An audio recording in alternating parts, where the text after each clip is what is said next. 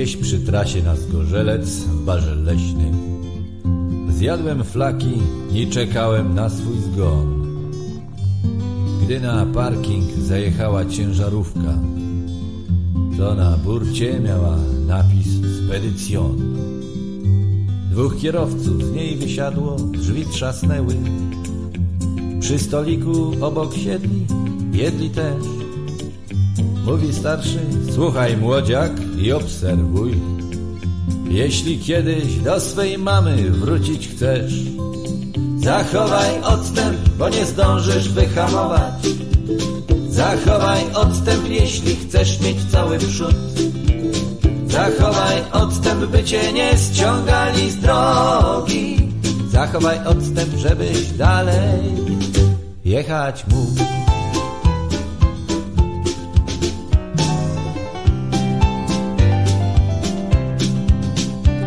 Pod Opolem w CPN-ie brałem napęd. Biorę dużo, bo przede mną drogi szmat. Jakiś wieśniak z gminy Lucień nagle na mnie leci z kluczem Więc spokojnie burakowi mówię tak. Zachowaj odstęp, bo nie zdążysz wyhamować. Zachowaj odstęp, jeśli chcesz mieć cały przód Zachowaj odstęp, by cię nie ściągali z drogi. Zachowaj odstęp, żebyś dalej jechać mógł.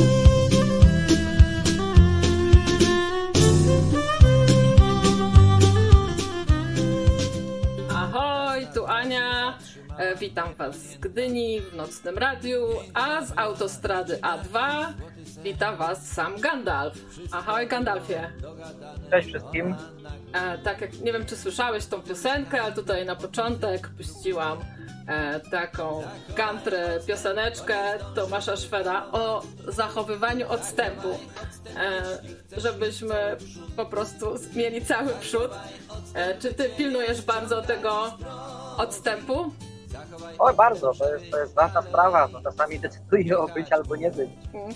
Ale często mam takie wrażenie, jak zachowujesz ten odstęp, to zawsze ci się ktoś wtedy wciska w ten odstęp. No niestety tak jest. E, No właśnie, słuchajcie, wy nie zachowujecie odstępu dzisiaj, także jak tylko macie ochotę, e, to dzwońcie na Skype Nocne Radio i sami tu dopytujcie Gandalfa, jak to jest być zawodowym kierowcą, jakieś wady i zalety e, tej pracy, może na początek. Trzy takie główne zalety, jakie byś wymienił, czemu w tym tkwisz? Ojej, pierwsza rzecz, no to wiadomo, pieniądze, tak, to się nie ma co oszukiwać. Druga, druga rzecz, która jest e, zarówno wadą, jak i zaletą, to jest tak naprawdę wysoce nienormatywny czas pracy. A trzecia rzecz, to tak na siłę bym tak szukał, to to chyba jakaś tam możliwość zobaczenia tego świata po części. Ale naprawdę po części. A, a takie trzy główne wady? Rozłąka z rodziną to jest pierwsze, pierwsza rzecz. Yy, bycie w samotności przez większą część tak naprawdę swojego życia, to jest druga, druga rzecz. A trzecia to taka może błaha, ale konieczność korzystania z toalet publicznych. O tak, to jest, to musi być ból, co? Tak, niestety tak. E, No ale jak tutaj jest ten standard, tak powiem, e, wygląda? Coraz lepiej to jest? Czy są jakieś kraje, gdzie jest dramat? Jak to jest w Polsce? No. Ogólnie rzecz biorąc, to ja już w sumie teraz jeżdżę ciężarówką bodajże 8 albo 9 rok. No to na początku było dużo gorzej. Teraz, jeżeli chodzi o te sanitariaty, no to w Polsce się bardzo fajnie zmieniło na duży plus. No ale w takich krajach jak Niemcy, Francja czy Hiszpania, no to tam y, zależy jak się trafi. Czy to jest to parking jakiś na autostradzie, czy jakaś mała podrzędna stacja gdzieś na jakiejś drodze krajowej, czy w ogóle tak zwany parking dzikus, jest to toaleta i plac dla ciężarówek. No ale no, można powiedzieć, że zależy od tego jak się trafi. No to różnie. Raz jest lepiej, raz jest gorzej, ale z tendencją raczej na, na to, że jest gorzej. Mhm. To jakbyś tak nam mógł opowiedzieć, jak wygląda taki twój standardowy dzień? Może dzisiaj, jak to wyglądało? Od pobudki. Dzisiejszy dzień był bardzo niestandardowy, to dzisiaj nic nie mogę na ten temat powiedzieć, ale taki normalny dzień to co? Staję sobie w zależności, w której godzinie ruszam. postaję sobie powiedzmy, że do godziny wcześniej, jem sobie jakieś śniadanie, robię sobie jakąś tam kawę na drogę, no i jadę. Tak jak pozwala tachograf, zależy czy jest to krótka trasa, czy długa trasa. Ale nie, nie, nie, nie tak szybko. No właśnie, bo wstajesz, no i pierwsze co robimy, jak wstajemy, no to właśnie ta toaleta, jakieś mycie ząbków i... No tak, standardowo, trzeba się ogarnąć tam, tam no ta toaleta, tak.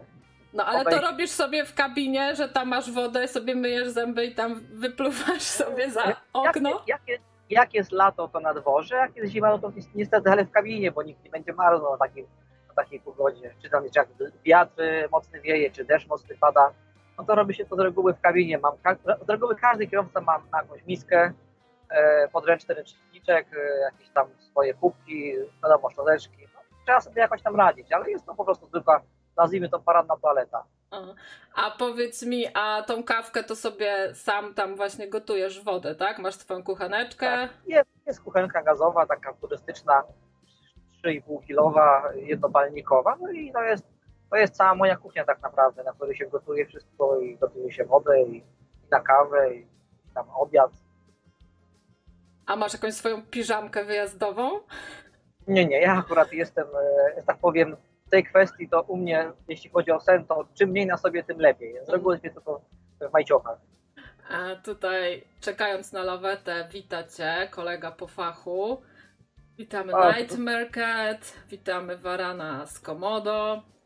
No ja wybaczcie, ale dzisiaj wyjątkowo na czas nie będę mógł patrzeć niestety, tak. bo mam, mam co innego do oglądania, także pozdrawiam wszystkich. Tak, dzisiaj Gandalf patrzy na drogę, ja patrzę na czata i Varan z Komodo zapytuje, czy każdy tirowiec sika na koło. A zależy, zależy, ale można powiedzieć, że, że duża, duża część kierowców tak. E, nawet na swoje, tak? No nawet na swoje, ale w tym o dziwo prompt to biorą e, kierowcy holenderscy. Oni jakoś tam uwielbiają. Będzie miał stanie na parking, będzie miał do, do toalety dosłownie 15 metrów, to otworzy drzwi, odleje się na swoje koło i pojedzie dalej. Hmm. No właśnie, tak jak sobie myślę o jakichś, wiesz, wypadkach, e, które mi się kojarzą z samochodami właśnie tymi ciężarowymi, no to jest taki właśnie pęka, pękająca opona, nie? Tak jest. E, czy, Klasyka klasyka. E, no i generalnie mm, rozumiem, że a można tak powiedzieć, że to jest takie, takie twoje, wiadomo, narzędzie pracy, e, tak, nie wiem, no ile tam tych koni mechanicznych masz w tym swoim aucie? A to zależy od wersji, bo różnymi samochodami jeździłem, ale z reguły to się kształtuje w przedziale od 400, od 400 do 500 koni, to jest no, taka no, średnia. No i masz te 500 koni i musisz taki obrządek poranny zrobić, tak? Czy faktycznie codziennie rano tam obchodzisz go i patrzysz, y, jak te koła wyglądają, y, czy jest bezpiecznie, czy tam nie trzeba coś zmienić?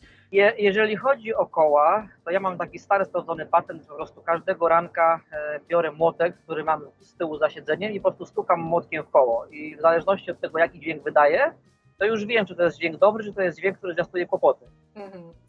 E, bo rozumiem, że taka, taki ten obchód, że tak powiem, to jest czynność obowiązkowa. Ty musisz to zrobić, tak? Wiesz to no, nikt mi nie każe, tak, ale oczywisty jest, że są różne sytuacje i na przykład często bywało tak, że e, była plandeka pocięta, czy ktoś chciał powiedzmy przez noc zajrzał do, do ciężarówki przez drzwi i nie zamknął, albo powiedzmy w czasie jazdy się koło przebiło, ale na tyle słabo, że dopiero powietrze zeszło przez noc. E, tak, no to, to, no to trzeba, tak? To, że powiem, racjonalizm nakazuje, żeby taki obchód zrobić. To mhm. Głupi jest ten, kto tego nie robi. No tak. to jest proszenie, to jest po prostu proszenie się o kłopoty. No i dobra, i masz takie koło, widzisz, że jest tam do wymiany. E, teraz się robią to kierowcy jeszcze sami, czy, czy wręcz mają zakaz i musisz dzwonić e, po jakąś obsługę? Moje ulubione powiedzenie, to zależy. To, no. to zależy, czy, czy jest to na parkingu, czy jest to na autostradzie, czy jest to na jakiejś drodze podrzędnej, czy jest to jakiś wybuch w czasie jazdy. E, czasami jest tak, że się zmienia, jeżeli da się radę, czasami jest tak, że nie można, bo na to nie pozwalają. No, możliwości jest naprawdę tutaj dużo, ale z reguły e, no, inaczej. Każdy kierowca raczej, jeżeli ma już te koło zapasowe i jest możliwość i jest bezpiecznie, bo nikt sobie zrobić nie chce i jest sobie w stanie z tym poradzić, no to z reguły się to koło zmienia, no bo to jakby nie patrzeć na takiego szefa, e, to, to taka usługa mobilnego serwisu ciężarówki, który przyjeżdża, zmienia koło i podjeżdża, to jest powiedzmy w Niemczech, we Francji 1500-2000 euro. Czyli jak ty to zrobisz sam, to po prostu twój pracodawca jest zaoszczędzony, tak? Tak, jest zaoszczędzony. Może niechętnie się dzieli pieniędzmi, ale jest zaoszczędzony. Ale rozumiem, że on no tak jest, tak? Na przykład w twojej firmie, że to jest jakaś taka premia, jeżeli ty coś takiego zrobisz sam, a on nie musi za to płacić. I może inaczej, jeżeli sobie to wywalczy, to, to będę ją zapłacone. Jeżeli bym y, położył po sobie uszy, to, że tak powiem, nic z tego mieć nie będę. No bo generalnie z tego co słyszałam, to w branży się o tyle pozmieniało, że takie technikalia to już nie, nale nie należą właściwie do gestii kierowcy, tak? I właściwie nic, oprócz tam e, wlewania płynu e, do mycia szyb, to nic nie musisz robić, tak? I tego wlewania Tak, to- paliwa. To jeszcze też zależy na przykład, y, jaki mamy tak zwany status posiadania ciężarówki. Bo jeżeli ktoś na przykład, firma transportowa w sensie ma ciężarówkę w wynajmie długoterminowym, to w tych wszystkich opłatach są wszystkie naprawy, wymiany kół i różne jakieś tam dziwne sytuacje na drodze nie, nieprzewid- nieprzewidywalne. Jest to wszystko po prostu już z góry opłacone jakby w abonamencie za wynajem. Mhm. I wiadomo, że ta, taka, taka firma, która ma ten wynajem, no to ona się niczym nie przejmuje. Ja na przykład pracuję w małej firmie, która jest firmą prywatną. E, No i jak to w małej, prywatnej polskiej firmie, no to się na wszystkim oszczędza z reguły, tak? Mhm. No i raczej się nie wykupuje nowych samochodów, nowych naczep i jakichś tam usług serwisowych, no bo to są jakby nie było czasami takie koszta, że to świadczyłoby o być albo nie być firmy transportowej. Mhm. No właśnie, tutaj już mówisz, mała polska firma, ale w sumie mieszkasz niedaleko granicy z Niemcami. Czy nie korciło cię, czy nie myślałeś, żeby zatrudnić się w jakiejś niemieckiej firmie transportowej? No i wiesz, i wtedy Tak, sobie już odkładać na Oto- niemiecką emeryturę. Od ostatniego czasu o tym myślę, ale no to, tak powiem, to temat otwarty. Mhm. Złożyłem tam parę jakichś e, CV. Na razie jakiś tam odzew może był, ale oferty, które tam są, to jakieś takie są nie do końca przekonywujące. Mhm. Czyli czekasz na jakąś lepszą po prostu. Czekam, aż ktoś się pojawi, co mi po prostu będzie bardziej odpowiadać, jeśli chodzi o, o system pracy, o jakieś ładunki, które się przewozi, o to, gdzie się jeździ, kiedy się do domu wraca, kiedy się wyjeżdża. To jest wiele zmiennych. Ja akurat jestem bardzo wybredny i nie chcę sobie, tak powiem, zmienić e, na gorsze, tylko na lepsze. No tak, no dobra, no to jak już mówimy o tym systemie pracy, e, to w jakim systemie ty pracujesz? Ja pracuję w takim systemie, można powiedzieć, import-eksport, czyli wyjeżdżam z Polski e, z towarem, którym mój szef handluje, a są to maszyny rolnicze i wszystko, co można pod to podłączyć, e, jakieś opryskiwacze, jakieś e, urządzenia, które się pod traktor podłącza, łyżki do gnoi, łyżków krokodyle, chwytaki do beli, chwytaki do siana, e, łyżki, zgarniarki do, do paszy. Wszystko to, co możemy podczepić pod traktor, czy z przodu, czy z tyłu, to my tym handlujemy. I po prostu to jest tak, że wyjeżdżając z kraju, z reguły nie wykonujemy usług transportowych typowo z giełdy, tylko wywozimy swój towar, a wracamy, to jeżeli jest, to wracamy z traktorami, bo mój szef też handluje sprzętem rolniczym używanym typu traktory, kombajny, opryskiwacze i jakieś inne rzeczy z Francji z reguły. A jeżeli się trafi, że na przykład w danym rejonie, gdzie, gdzie jestem, nie ma jakiegoś sprzętu, który mogę przywieźć, no to wtedy bierzemy jakiś powrót z giełdy, taki typowy transportowy, to jest na przykład, nie wiem, stal, czy jakieś e, big bagi z jakimś granulatem. E, No tak naprawdę wszystko, co jest na giełdzie, bo tu ważne jest skąd dokąd. Że trzeba mieć po prostu jak najbliższy podlot na załadunek i potem jak najlepszą trasę, która jest de facto rozładunkiem jak najbliżej bazy firmy. Wiadomo, czysta ekonomia. Ale tu mówię, wozi się wszystko wtedy, to jest i mydło i powidło. Tutaj to mydło i powidło, e, które Gadal wozi, to wam e, wrzucam tutaj na, na planszę. E, Tutaj Gandalf mi wczoraj wysłał zdjęcia właśnie różnych różności, które przewozi. E, No nie tylko te maszyny rolnicze, ci się zdarzały też samochody, tak, motocykle. Tak, motocykle, ciężarówki, jakieś tam. e, Nie mam zdjęć, bo to jeszcze miałem na starym telefonie, ale jeszcze zdarzały się koparki. e, Ale, że tak powiem, już teraz tego nie wozimy, bo to koparki to jest sprzęt, który za bardzo, za bardzo obciąża tego typu naczepy. Jednak, jednak przewóz koparek powinien się odbywać na, na naczepie już bardziej specjalistycznie wzmocnionej. No dobra, no i dobra, jesteś załadowany tym sprzętem, jedziesz, wyjeżdżasz to standardowo w poniedziałek? A to nie, u mnie jest tak, że to jest różnie. E, Ja na przykład jeszcze jak ten system pracy, to e, jak ja wyjeżdżam, no to taka moja trasa to jest wiadomo, czasami trzy punkty rozładunku, czasami cztery, czasami jeden, zależy od tego ile tych maszyn rolniczych i z jakich punktów jedzie. No i jak powiedzmy tą swoją turę obiady po tej całej Francji, y, to z reguły tego samego dnia albo następnego mam załadunek. No i teraz droga powrotna do domu, no to wychodzi średnio powiedzmy, że w przedziale od 8 do 10 dni roboczych z weekendem, oczywiście z z pauzą weekendową.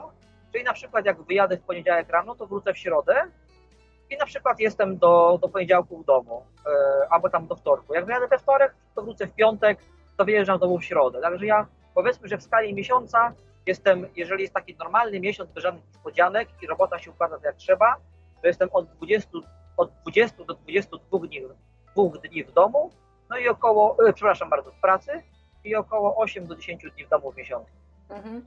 Czyli ty można, u ciebie taki system, można powiedzieć, 8 dni w trasie, tak? Na Tak, tak. 3 dni w domu. Powiedzmy, że średnio wychodzi to 10 dni w trasie na 3 do 4 dni w domu. No, no, bo, są, bo tak jak tutaj słyszałam, no to też są takie systemy 3 na 1, 4 na 1, ale to już tygodniami, tak?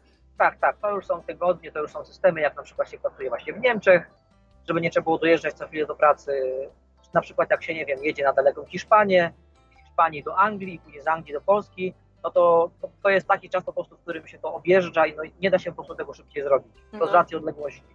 A ty kiedyś miałeś przyjemność, nieprzyjemność w takim systemie pracować? E, Raz miałem przyjemność zostać w trasie trzy tygodnie na samym początku. E, Przed urlopem po prostu chciałem zostać tydzień dłużej, żeby mi się urlop ładnie tam poukładał.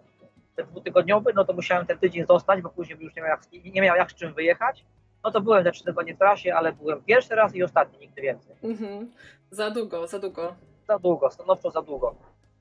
E, No dobra, ale jest, wracajmy do tego e, dnia, e, bo tutaj mówiliśmy jak ta kawka, jak ta toaleta. No, można chyba powiedzieć, że kierowcy mają bardzo uregulowany tryb życia, ponieważ jakby tym ich życiem steruje tachograf, czy steruje, kontroluje tachograf, powiedzmy tak. On działa, rozumiem, cały czas, tak? Tak, tak. Ogólnie jak przychodzę do, do pracy, to żeby móc jechać ciężarówką e, w tych czasach, to jest potrzebna tak zwana karta kierowcy. No, wygląda jak taka karta e, bankomatowa. Jest, powiedzmy, to połączenie e, karty kierowcy, ka- karta kierowcy to jest połączenie jakby prawo jazdy i karty bankowej, gdzie masz chip.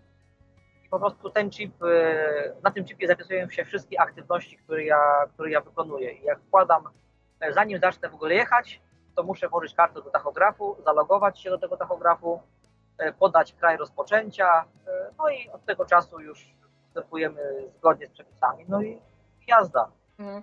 E, Słowo tachos, tak, czyli ten tachograf pochodzi od greckiego słowa tachos, czyli prędkość, ale on nie tylko kontroluje prędkość, czy ty tam zgodnie z przepisami w danym kraju się poruszasz, tylko rozumiem, że to też jest podstawa do twojego wynagrodzenia, tak? Ile ty, jesteś? Tak, tak, no bo to wtedy po Mm. prostu e, jak się zjeżdża, zjeżdża się do domu, no to e, po każdym zjeździe w biurze firmy sczytuje się kartę specjalnym urządzeniem, specjalnym programem i e, później księgowa wysyła to do firmy, która rozlicza tą pracę kierowców, no i na podstawie tego dostaje się wynagrodzenie. Mhm.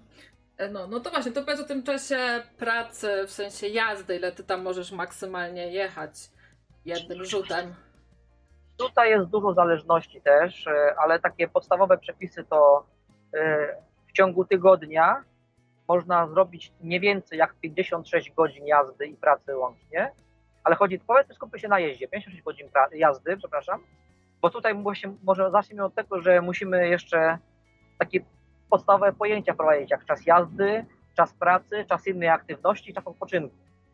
I teraz e, na tachografie każda z tych aktywności ma swój piktogram.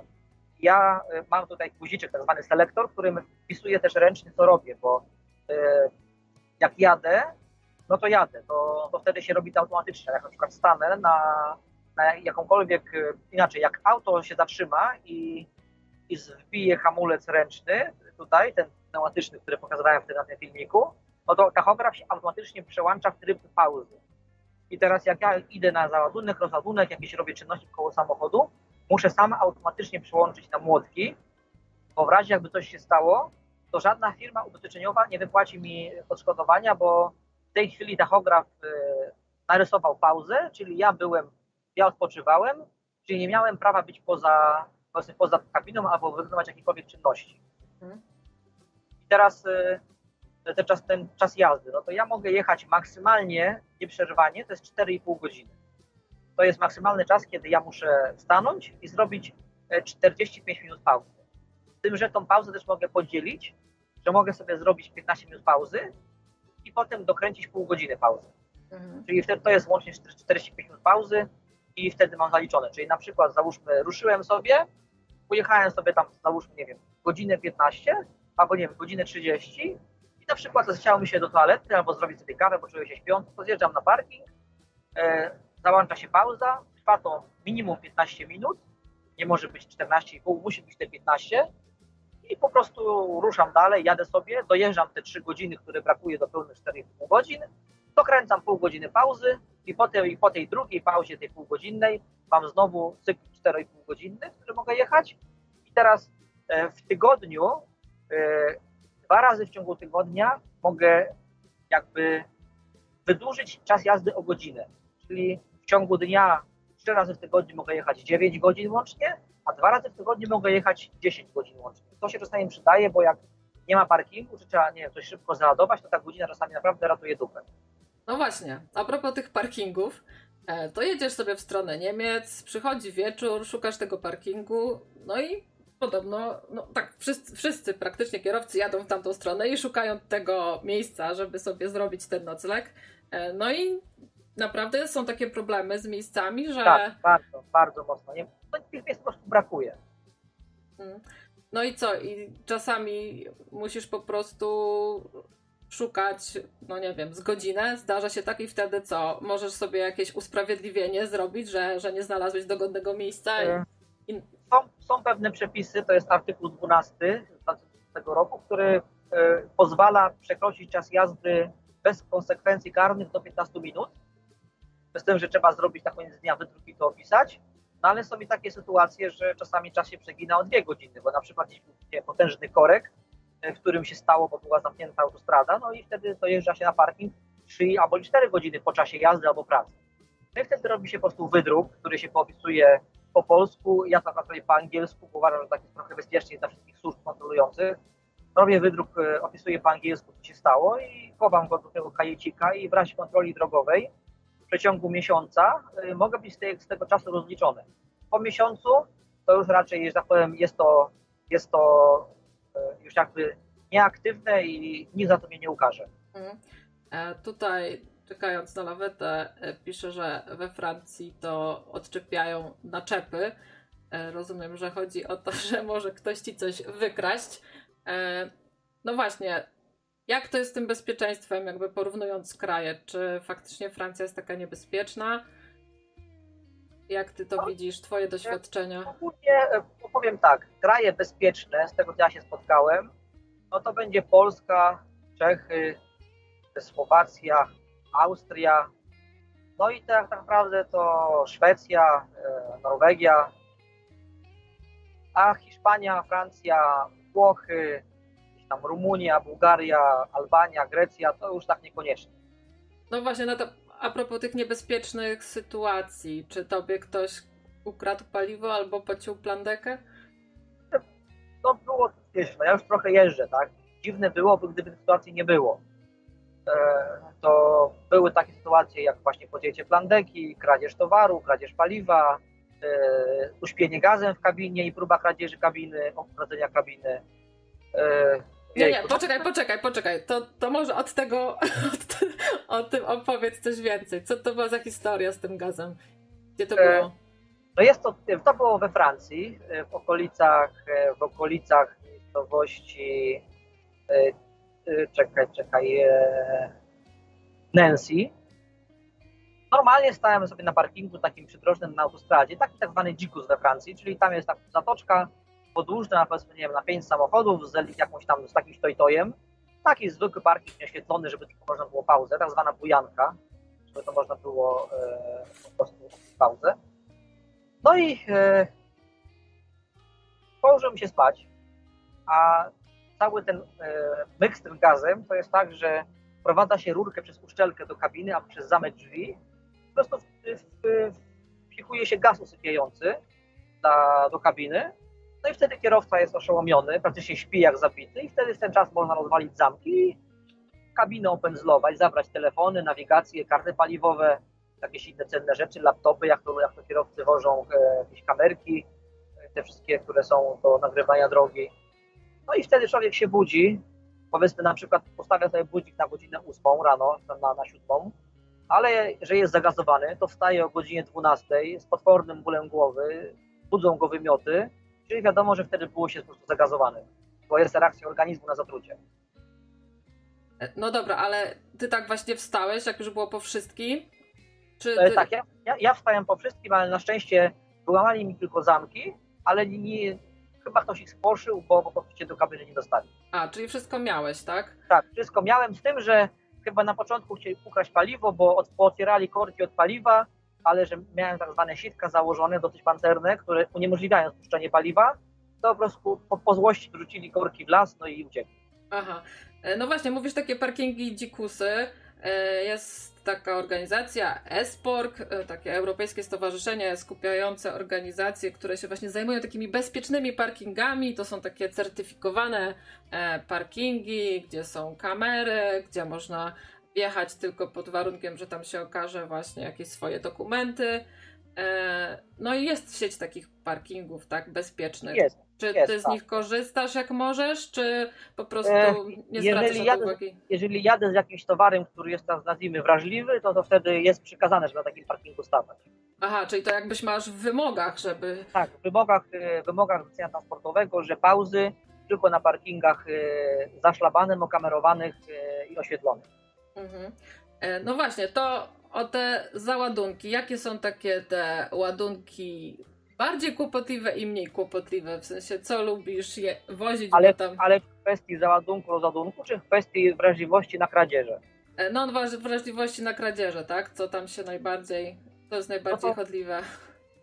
No, tak naprawdę zależy od złodzieja, na co ma ochotę, ale wszystko, wszystko z reguły, co jest na paletach, jest możliwe do zabrania łatwego, czyli jakieś e, jedzenie, napoje, wina, bo często się alkohol często też się często przewozi. E, mi na przykład e, ukradli w Niemczech na parkingu, wyjęli mi trzy palety kawy Jakob. Mhm. Po prostu, e, po prostu tyle, ile sięgnęli, żeby na czepę nie wchodzić, to tyle zabrali. Po prostu wyciągali, wyciągali po, po, po sztuce, nie? Rozcięli nożem paletę i wyciągali po sztuce. No dobra, i ty się rano budzisz, tak? Widzisz tą rozciętą e, plandekę, że jest ten i co, po prostu musisz dzwonić na policję, tak? I masz tam, nie wiem, kilka godzin Chodzi w plecy. policję, przy, przyjeżdża policja, robi protokół, protokół e, z wydarzenia, no i później z tym protokołem się jedzie na rozładunek. Wrzuca się to, co zostało, plus do tego daje się protokół, no i tak naprawdę jest się czystym, tak? Mhm. Mhm. No ale tej roboty papierkowej i, i trochę godzin w plecy jest przez to, co nie? To, to, to, to w pewnej mierze to zależy tak naprawdę od tego, jak policja się spisze, bo czasami jedni są szybcy, ale drudzy potrafią przyjechać po dwóch godzinach, po trzech godzinach. We Francji to zwłaszcza jest, że jak się zadzwoni, to można i pół dnia stracić w oczekiwaniu na, na przyjazd policji. To, są, to, to zależy, mówię, zależy co, zależy gdzie, zależy jak, co. No właśnie, a jakie masz zdanie na temat policji właśnie we Francji czy w Niemczech? Bo ostatnio czytałam o takim dosyć bulwersującym przypadku, że e, małżeństwo jeździło e, w takiej podwójnej obsadzie i właśnie na parkingu e, ten mąż został zaatakowany nożem e, i tam pogotowie przyjechało dopiero po półtorej godziny do niego. Tak, tak, są takie sytuacje, to prawda. Nic, nic nowego niestety. Mm. E, No właśnie, a jeżdżenie w takiej podwójnej obsadzie, e, miałeś e, taką przyjemność, czy to jest tak, że na początku e, jakby trzeba z kimś jechać? E, Jak twoja firma tutaj do tego podeszła? Czy te swoje pierwsze kursy właśnie miałeś z jakimś takim mentorem? E, To u mnie to było tak, e, bo jak ja zaczynałem, zaczynałem pracę w transporcie, to normą było, że nikt nie dał kierowcy świeżo upieczonemu zestawu wartego pół miliona, czy nawet milion złotych, żeby pojechał pierwszą trasę, jak nie miał doświadczenia. Także ciężko było dostać się od razu na ciągnik siodłowy z naczepą i jechać daleko w trasę. To z reguły się właśnie jeździ wtedy w podwójnych obsadach, gdzie, tak jak mówisz, jest jakiś kierowca, który ma już e, staż pracy odpowiedni, to wtedy bierze młodego na przyuczenie i się jeździ tam na przykład, nie wiem, miesiąc, czas dwa miesiące, trzy miesiące. Ja akurat moja pierwsza firma transportowa to była firma, w której jeździłem przez rok czasu jako tak zwany skoczek i to dwa tygodnie jeździłem z innym kierowcą na podwójnej obsadzie w ramach nauki, no i dopiero po roku dostałem jakby swój samochód mogłem nim jeździć. Mhm. I jak wspominasz to jeżdżenie z kimś? E, nie najlepiej. Aha. Czyli gdyby to od ciebie zależało, to wolałbyś sam sobie pojeździć Tak, tak. od samego Ja, początku. e, powiem tak, że jeżeli mógłbym sobie wybrać osobę, z którą e, nadaję na tych samych falach, mogę sobie z nią jeździć, to jak najbardziej przez pewien okres czasu jestem w stanie to zaakceptować, ale tak jak jeździłem, e, nazwijmy to z, z kwiatem trackerki polskiej, no to, to naprawdę to, co człowiek, to charakter i to było czasami szło na noże. No, e, tutaj właśnie e, też sobie dzisiaj oglądałam e, kanał takiego Tirgora. On tam ma takie filmiki sprzed dwóch lat, właśnie jak zaczynał pracę na tirach. No to on mówi, że jeżeli masz możliwość, to najlepiej zaczynać jazdą po Polsce, ale samemu, bo wtedy się człowiek najwięcej jednak nauczy niż, niż z kimś, nie? No tak, Polska to jest kraj specyficzny, bo teraz to już może nie, ale na samym początku to ciężko było trafić, filmy były nieoznakowane, jakieś w ogóle były dojazdy, były brzydko od dupy strony. E, Problem był z wiaduktami, bo na przykład e, wiadukt powiedzmy na zachodzie jest tak, że jeżeli wiadukt, zresztą w Niemczech, jak wiadukt jest opisany znak, że ma 4 metry, to on ma 4 metry faktycznie plus ewentualnie zapas 2 centymetrów. E, We Francji każdy wiadukt powiedzmy jeżeli ma poniżej 4,5 metra, też musi być opisany i też z reguły jest tam zapas maksymalnie do 10-15 cm. A w Polsce to, to jest tak, że jest opisany wiadukt, że ma 3,5 metra. Pyta się na CB Radiu, czy się da przejechać. Mówią tak, ale jedź lewą stroną, to przejedziesz. Mhm. E, Albo no- na przykład Mhm. jest wiadukt, który jest nieopisany, czyli wedle przepisów powinien mieć tam te, tam te minimum 4,5 metra, a tak naprawdę zajeżdżasz pod niego i musisz delikatnie jechać, bo możesz się gdzieś tam zaklinować. Mhm. A miałeś taką sytuację w Polsce, że podjechałeś pod wiadukt i musiałeś się po prostu wycofać? E, to w Polsce nie, bo akurat mówię, w Polsce korzystam z, głównie z Sibiradia, ale w Niemczech e, parę lat temu zablokowałem centrum miasta, bo się okazało, że znaki objazdu były źle poprowadzone w takiej małej miejscowości.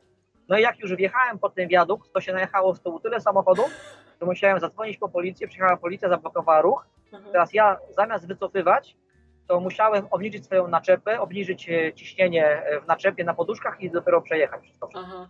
A i jakieś konsekwencje były do ciebie, czy jednak udowodniłeś, że to było Nie, złe oznakowanie? przeszedłem się z policjantami do, na, na dwa skrzyżowania wcześniej, pokazać, że są znaki i nie ma żadnego ograniczenia wysokościowego, no i faktycznie przyznali mi rację, że, że jest to błąd i już zgłaszają to do odpowiednich służb. I jak kiedyś tam jechałem następnym razem, to już faktycznie było to oznakowane. Mhm, mhm. To ile ta akcja cała trwała? Półtorej godziny. No to ładnie, to tam się e, dało to we znaki, no ale przynajmniej zrobiłeś porządek w Niemczech. Można powiedzieć, tak. No. E, no dobra, a to takich tych e, niebezpiecznych sytuacji to można na jednej, na palcach jednej ręki policzyć u ciebie? Jakbyś No, to... po- powiedzmy, że na palcach dwóch rąk by się zamknęło. Mhm. Czyli na te 10 lat to tak średnio raz w roku coś nieprzyjemnego możecie spotkać. A nie, nie, to, to różnie, bo na przykład jednego roku nie ma nic, a z kolei później masz 300 w miesiącu. No, no, no to tak jakoś tam e, parami chodzą, chodzą nieszczęścia. A to tak już mówimy o takich nieprzyjemnych rzeczach, to jak z mandatami? E, bo podobno u nas tam wszystkie fotoradary e, oznaczone, a podobno w Niemczech nie, nie wszystkie są oznaczone. No nie, no są często takie właśnie e, tak zwane kurze łapki, są stawiane gdzieś tam przy barierkach autostrady, których e, nie da się raczej wychwycić jak się jedzie, no i nagle przychodzi zdjęcie niespodzianka. Mhm. E, No i tych zdjęć niespodzianek dużo No przez się... ten, no przez ten cały okres, jak, jak jeżdżę, to też powiedzmy, że no, do 10 było, no nawet nie Mhm. jestem w stanie zliczyć, bo to, ale średnio powiedzmy, że dwa w roku, no, można tak powiedzieć. E, tutaj się Waran pyta, czy gotujesz sobie e, w kabinie na tych postojach? Tak, tak, oczywiście, no, jakoś trzeba sobie radzić. E, No, co tam takiego najbardziej wykwintnego ugotowałeś? Bo słyszałam, że Iwona Blecharczyk to nawet, słuchaj, piernik piekła e, na parkingu. No to może aż tak, tak to nie w ten sposób, ale, ale no często sobie robię sushi na parkingu. E, no wiadomo, no kurczę, no bo powiem tak, no ja bardzo lubię kuchnię wegańską, wegetariańską, jakieś burgery warzywne, jakieś takie rzeczy, to, to tro, trochę czasu trwa, żeby takie rzeczy przygotować, tak? Jest to trochę z tym za, zajęcia, no ale no to co lubię, to sobie po prostu gotuję, no jest tego dużo. No ale chyba też trochę na słoikach jedziesz, nie? Zabierasz no- sporo rzeczy z Tak, domu. tak, robię, robię sobie zupy, czy żona robi mi jakieś tam, teraz na przykład mam fazę na podroby, typu tam żołądki, e, jakieś tam kurze, wątróbki, nereczki, serduszka. Mam porobione sobie to w takim powiedzmy jakby gotowym półprodukcie, że jest to wszystko ładnie obsmażone z przyprawami. No i potem na przykład, nie wiem, gotuję sobie powiedzmy, nie wiem, woreczek e, kaszy gryczanej, do tego odpalam słoik, e, słoiczek, gdzie tam jest powiedzmy takie 3 czwarte słoiczka takiego powiedzmy gulaszu z serduszek, do tego jakaś suróweczka, herbatka, no i obiad jest zrobiony. A bigos też zabierasz? Praktycznie wszystko. To, to, to co zostanie świąt, to biorę jak leci. No, Emil pisze, że kochankę w trasę, a żona do bigosu. Su- Zależy co kto, co kto lubi. No, ale mm, brałeś kiedyś właśnie żonę w trasę? Zdarzało Tak, na się? samym, na samym początku jeszcze jak nie mieliśmy dzieci, to dwa razy ze mną pojechała. Mm, I jak się jej podobało życie na parkingu? Jak, chyba, chyba jak każdemu normalnemu, normalnemu człowiekowi, nic szczególnego. Mm, ale to była jakaś taka trasa szczególnie, e, wiesz, widokowa? Mieliście okazję wtedy coś pozwiedzać? No, powiedzmy, że no, jedna trasa była e, kontenerem e, do Bremerhaven za Hamburgiem w Niemczech. To była taka bliższa trasa na samym początku. A druga już była taka dużo, dużo dalsza, powiedzmy praktycznie na sam koniec Francji, blisko Morza Śródziemnego, ale do morza jeszcze było daleko. Mhm. E, no właśnie, e, słuchaj, a może e, w przyszłości, jak już dzieci będą większe, to może będziecie z żoną jeździć w podwójnej obsadzie? Ja, że tak powiem, jeżeli tylko się nadarzy okazja, to ja uciekam z tej branży, także nie przewiduję takich. Aha, bo chcesz uciekać z branży. A tak, czemu? tak. Ja już, no bo tak na początku były te trzy wielkie wady, tak? Czyli właśnie rozłąka, Mhm. e, samotność, e, brak rodziny, no i te takie rzeczy jak toalety, prysznice, no tam brak takiej normalności w życiu, powiedzmy, tak, takiego ustatkowania i życia na pewnym poziomie. No, a z wiekiem to człowiek ba- coraz bardziej ceni, nie? Własną toaletę tak, i to tak. wszystko. Zależy od człowieka, ale z reguły no jednak jak się człowiek starzeje, to, to Mhm. docenia troszkę inne, inne walory w życiu, aniżeli tylko właśnie pieniądze. A czy masz już jakiś właśnie plan B, ten przygotowany? Przygotowujesz się już? Masz jakiś pomysł na siebie? Planów B mam kilka, tylko że to mówię, jak, jak zwykle się to wszystko rozchodzi o pieniądze, bo często plan się wydaje genialny w swojej prostocie, ale no niestety się nie spina finansowo, Mhm. no i trzeba po prostu dalej pracować tu, gdzie się jest. E, No właśnie, to może trochę jeszcze o tym e, jeżdżeniu. No czasami cię ten weekend dopadnie w trasie, tak? Ten jeden weekend tam musisz spędzić. E, Czy to jest tak, że da się trochę pozwiedzać, czy, czy tak średnio, bo to zależy, gdzie ten weekend wypadnie, czy sobie tak planujesz, żeby jak już wiesz, że masz ten weekend e, tam gdzieś daleko, to właśnie tak sobie to chcesz zaplanować, żeby przy okazji coś fajnego zobaczyć. No tak naprawdę tutaj ograniczeniem tylko to jest termin rozładunku czy załadunku, a, a resztę można sobie jakoś tam w miarę ustawić, bo że na przykład ja sobie zjadę na parking y, godzinę wcześniej, aniżeli powiedzmy jest czy nawet dwie godziny wcześniej, y, bo tam jest fajna stacja benzynowa z jakimś, nie wiem, dobrym dostępem y, do jakiegoś fajnego miejsca, czy jakąś, nie wiem, jeziorem, rzeką, czy plażą, no to wiadomo, że stanie się wcześniej, e, no bo trochę takiej tej normalności się chce. No ale z reguły też jest tak, że jak się stanie gdzieś, no to szuka się, żeby to było możliwie jak najbliżej tego miejsca docelowego, żeby potem już po tym weekendzie mieć jak najmniej kilometrów, żeby, żeby szybciej być w domu. Mm. Czyli to jest jednak trochę taki mit, nie? Jednak jesteś głównie w pracy. Nie, to, to, nie, to nie to, że mi, to zależy jak się układa praca, gdzie się jeździ, z czym się jeździ, bo na przykład jeżeli się, nie wiem, ma towar do centrum Paryża, no to są jakby dwa typy, e, dwa typy kierowców. Jeden kierowca będzie pchał się w sam Paryż i nie będzie patrzał, że jest tam niebezpiecznie stać na weekend wąsy i iść do Paryża na wieży Eiffla, a drugi będzie taki, który stanie na stacji benzynowej w środku pola, bo w Paryżu też nie bywa niebezpiecznie, czyli po prostu będzie sobie wolał stanąć dwie godzinki przed Paryżem, żeby sobie spokojnie, bez żadnych stresów weekend przestać. No jak już staniesz na takim parkingu na weekend, to jakaś tam jakiś grill z innymi kierowcami, jakaś imprezka. Co no to, też zależy, no to też zależy od tego, jak się los potoczy i gdzie się stanie i w jakim towarzystwie. Bo czasami się stanie w towarzystwie, które jest niezachęcające do jakiejkolwiek interakcji, a czasami się stanie z takimi super chłopakami, czy no raczej z chłopakami, bo dziewczyny się raczej mało spotyka w trasie, e, z chłopakami po prostu, że no, jak to się mówi, można z nimi konie kraść i naprawdę są bardzo przyjemne weekendy. Mhm. A dziewczyny, jak już są tam e, kierowczynie, to one się integrują, czy raczej właśnie wolą tam w kabinie siedzieć no, cichutko? Jeżeli, wydaje mi się, że jeżeli zobaczą, że, że właśnie towarzystwo jest w miarę rokujące, to wychodzą, nie mają z tym problemu, a jeżeli, jeżeli widzą, że są jakieś tam trudne zaczepki, typu tam hej lala, hej mała, bo też tak zdarzają, no to raczej po prostu tylko kiwają głową cześć, cześć i siedzą cały, cały ten czas w kabinie, czy gdzieś tam i to właśnie spacer raczej wtedy unikają. Emil pisze, że chlanie do 21 i w kimę. No, czasami i tak bywa, no, to różne są typy imprez na, na parkingu. No. E, no ale jak już jesteśmy przy paniach, e, no to wiadomo, że tam, gdzie są kierowcy, też się kręcą panie, które e, świadczą pewne usługi. Jak to wygląda na tych parkingach? Jak to wygląda? No to tak jak ze wszystkim tak naprawdę. To mówię, to zależy. Gdzie, co i jak bo to e, z reguły, jak naprawdę, jak się popatrzy, to powiedzmy na razie o przykładzie z Polski, e, gdzie te dziewczyny stoją w takich miejscach, gdzie tak naprawdę nie ma w ogóle możliwości zjechania ciężarówką.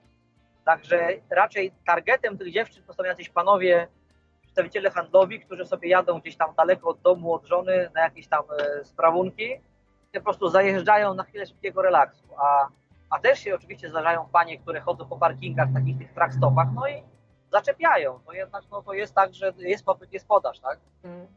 Czyli co, podchodzi, puka w okienko, tak? Tak, tak. Dzień dobry, to tam, to siam, to jest zainteresowany. Jak się powie kulturalnie, że nie, to sobie idzie dalej, pożyczy miłego dnia, a jak ktoś skorzysta, no to skorzysta, tak?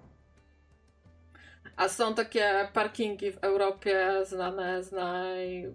największych imprez i... Tak, wiem do czego dążysz tą. To powiedz jest, to. Jest, jest parking na granicy francusko-hiszpańskiej, tak zwana Junguera. To jest, to jest miejsce po prostu, o którym w internecie jest pełno memów. Mhm. E, także to, to jest miejsce, gdzie tak się mówią, a jak to się mówi, co było Vegas zostaje Vegas, tak samo tam. Co było na Djanguerze zostaje na Djanguerze. Hmm. No i to nie tylko, e, że tak powiem, dla kierowców, bo tam po prostu taka seks turystyka odbywa się regularna też po prostu przez wszystkich, tak? Innych, tak, tak. chętnych tak. na takie... Przez, przez osoby chętne, tak naprawdę. Mm. No i czemu to miejsce? No bo tam jest po prostu taniej, pewnie dla tych z Francji, nie, tak? Po, po, po, pierwsze jest to tak naprawdę, bo są takie dwa jakby główne szlaki tranzytowe na Hiszpanię. Jeden to właśnie jest ta, ta Janguera, to tu jest na drodze powiedzmy od strony Morza Śródziemnego, e, w drodze na Barcelonę i tam dalej na południe Hiszpanii, a po drugiej stronie jakby jest e, Bayonne, Irun, to jest tam od strony jadąc od Bordeaux, od strony oceanu. Są takie, takie dwa po prostu główne przejścia graniczne i jak na przejściu granicznym są wielkie trackstopy, wielkie parkingi, E, tanie paliwo, dużo restauracji, dużo punktów, gdzie można właśnie spędzić weekend. No i po prostu tam się kręcą dziewczyny, no i szukają zarobku.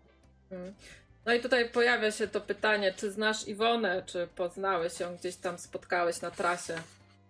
Osobiście nie znam, raz tylko widziałem jej samochód y, na parkingu, jak stała e, w Niemczech przy autostradzie, jak e, robiła pauzę, bo ona wtedy jeździła na, na śmigłach, na tych gabarytach nie wiadomo, że na tym, to, na tym typie towaru się jeździ w nocy, a wtedy w ciągu dnia się śpi, no to właśnie ona wtedy sobie spała i no widziałem po że to jest jej, bo miała tabliczkę Iwona, Iwona i ten, i tam swoją nazwę miasta, ale tak, żeby spotkać osobiście, to nikogo nie spotkałem. Mm.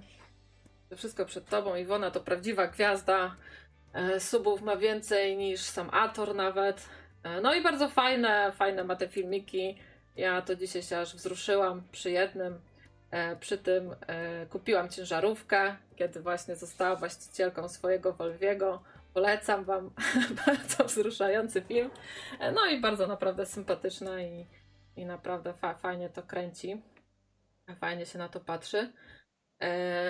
No ale właśnie na tych e, parkingach, na tych, e, w tych miejscach jak ta Junguera cała, no to też tam jest właśnie dużo tych sklepów, jakichś marketów. E, no i też u Iwony właśnie widziałam, że ona sobie po prostu, jak jest w Hiszpanii, no to sobie robi po prostu zapas winka z Hiszpanii, tak? Jak jest we Francji. Tak, bo jest, jest bardzo, bardzo tanie. Wino i cytrusy tam są bardzo tanie. No i też nie szykujmy się po prostu dobrej jakości. No, ty też masz takie, nie wiem, zamówienia od rodziny, przywozisz często jakieś większe ilości alkoholu? No, raczej nie, bo ogólnie my, jak ja bym, jakby wszyscy pili tyle co ja i moja rodzina, to, to, to by cały biznes e, zbankrutował. Także tutaj jeżeli chodzi o takie sprawy, to nie. Ale mówię, jeżeli mam jakieś możliwości coś kupić, no to raczej sam od siebie, że widzę, że jest coś fajnego, co można kupić, bo w Polsce jest tym ciężko, albo jest to bardzo drogie, to kupuję, ale to nie jest to za często. Mm. Adwokat e, mówi, że ona trochę ciało sprzedaje. No właśnie, ale tylko trochę, naprawdę trochę. E, Jak bierze prysznic, to nie pokazuje tego prysznica, tylko pokazuje przed i po, także szczuje tyłkiem. No nie wiem, nie wiem. Ja bym nie była taka, Ja bym powiedział po prostu, że wykorzystuje swoje walory i tyle. tak. O, e... Ania, spytaj, czy owoce morza są tam tańsze. No pewnie są tańsze. E, Są, są dużo tańsze, bo na, kiedyś byłem na wycieczce, właśnie chodziłem, to, to było we Włoszech, no to owoce morza były praktycznie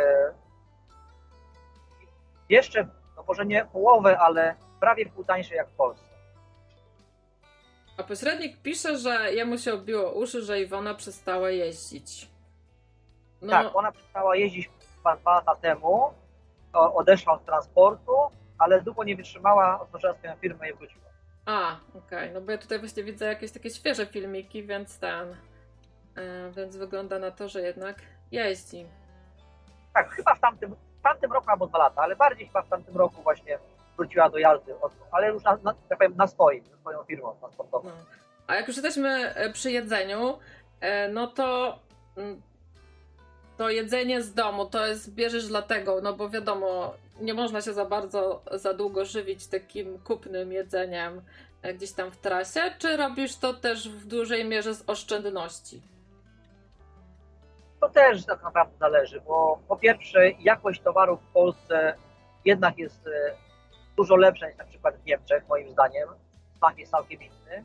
A dwa, że też czasami bywa problem z możliwością zjazdu do sklepu, bo jest jakiś zakaz wjazdu do miasta, nie ma parkingów za bardzo, żeby się ustawić na chwilkę iść do sklepu. E, No bo kiedyś to była różnica ogromna. Żywienie się na zachodzie było trzy razy droższe jak w Polsce. Ale przy obecnej inflacji i cenach no to wydaje mi się, jak ostatnio byłem nawet Aldi w Niemczech, czy w Lidlu, to zakupy tam są tańsze jak w Polsce. Mm. To ty teraz możesz, nie wiem, masło kupować w Niemczech i majonez i przyjeżdżać. Słuchaj, no, tu się, ty tu się śmiejesz, ale cukier u nas był po 8 zł, a tam był po euro. No właśnie, I tak. to był, i to był ten sam cukier. No, bierzesz paletę takiego cukru, jesteś zarobiony. A jak, jak? Teraz na nowo życie ułożyć. No, ale e, tutaj, jeżeli chodzi o te zarobki kierowcy, no to rozumiem, że jest tak, że masz e, jakąś tam podstawę wynagrodzenia, ale do tego właśnie dochodzą te diety. E, Tu, Tak, tak. Tutaj są też jakieś stawki, one są uzależnione od kraju? Czy to jest tak jakaś jedna wspólna na Unię Europejską? Jak to jest? To się, zmieni, to się zmieniło od y, wprowadzenia w tamtym roku pakietu mobilności, zaraz powiem co to jest, ale jeżeli chodzi o zarobki, to w zależności czy ma się dietę, czy ma się płacone od, y, od kilometra, czy od tak zwanego fraktu, to tu są stawki różne i tak samo też od rejonu Polski, w którym się pracuje, zarobki mogą być od 5 tysięcy do 15 tysięcy, naprawdę, to nie ma, nie ma reguły. Mhm. No to, Zależy jeszcze, zależy jeszcze z czym się jeździ. Na przykład jak miałem kolegę, e, czy mam kolegę, który na, na dany czas jeździł w firmie holenderskiej, która przewoziła bardzo, bardzo mocno typowe materiały w kontenerach, e, które tak naprawdę, jeżeli by się do kontenera wlało, wlało szklankę wody, to eksplozja była taka, żeby zmiotł pół parkingu z powierzchni ziemi. Mhm. Także on jeżdżąc tylko z tym towarem, gdzie były dwie firmy w Europie, producent i odbiorca, w firmie holenderskiej on zarabiał lat temu 5-6 właśnie po 15 tysięcy złotych. Mhm. Także to zależy, mówię, zależy gdzie, co i jak, ale y, faktycznie te wypłaty no, nie są małe, ale jak sobie człowiek to przeliczy, jak to chociażby na godzinę, ile czasu jest pracy, to stawka godzinowa wychodzi 20 zł na godzinę. Tak jak na magazynie. No tak, no bo śpisz tam, tak, jesteś non-stop w pracy tak naprawdę, ten Tak, twój tak. sen też tam się wlicza. Można powiedzieć, że człowiek pracuje dwa miesiące w miesiącu.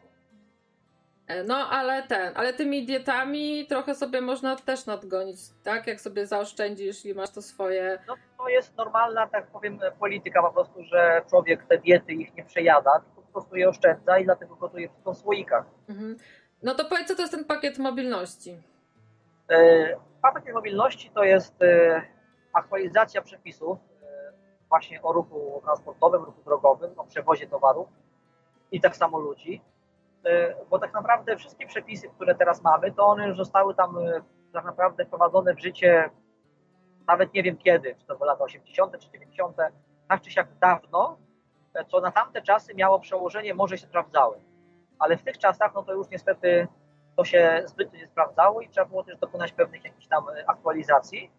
Gdzie na przykład taką główną i najlepszą dla nas aktualizacją dla kierowców to jest przy powrocie do domu możliwość przedłużenia czasu pracy do 17 godzin i możliwość tak, e, do pojechania pół godziny więcej. Czyli to jest tak zwana szczęśliwa dwunastka, że jak wracasz do domu po trasie na weekend, to żeby nie stać gdzieś w Polsce czy na granicy i jeszcze robić pauzę 9 godzin, czy tam 10 godzin, 11, to możesz o te dwie godziny przedłużyć czas jazdy, żeby dojechać do domu. Mhm. Czyli takie pozytywne zmiany. A, Tak, tak. a powiedz mi, czy ty możesz, zabierasz, czy możesz w ogóle zabierać jakichś autostopowiczów? No, no to też zależy od tego tak naprawdę, czy... No inaczej. W poprzedniej firmie, w której pracowałem, to był kategoryczny zakaz zabierania autostopów. Ale miałem taką kiedyś jedną przygodę, że na parkingu we Francji zabrałem chłopaka z, z Zielonej Góry, który po prostu ze mną pojechał do momentu, kiedy miałem pauzy i potem e, na drugą jakby część trasy zabrał go inny chłopak i już pojechał z nim dalej. Mhm. Czyli w tej firmie, w jakiej teraz. Czyli to jest jakby zależy od firmy, tak? Czy, czy, Tak, czy... tak, tak, ale no y, normalnością jest, że się zabiera kierowców y, z parkingu gdzieś tam, którzy auta zostawiają, żeby do domu zjechali na weekend. To to jest normalne, że kierowców zabiera i się ich podrzuca, jeżeli ma się po drodze.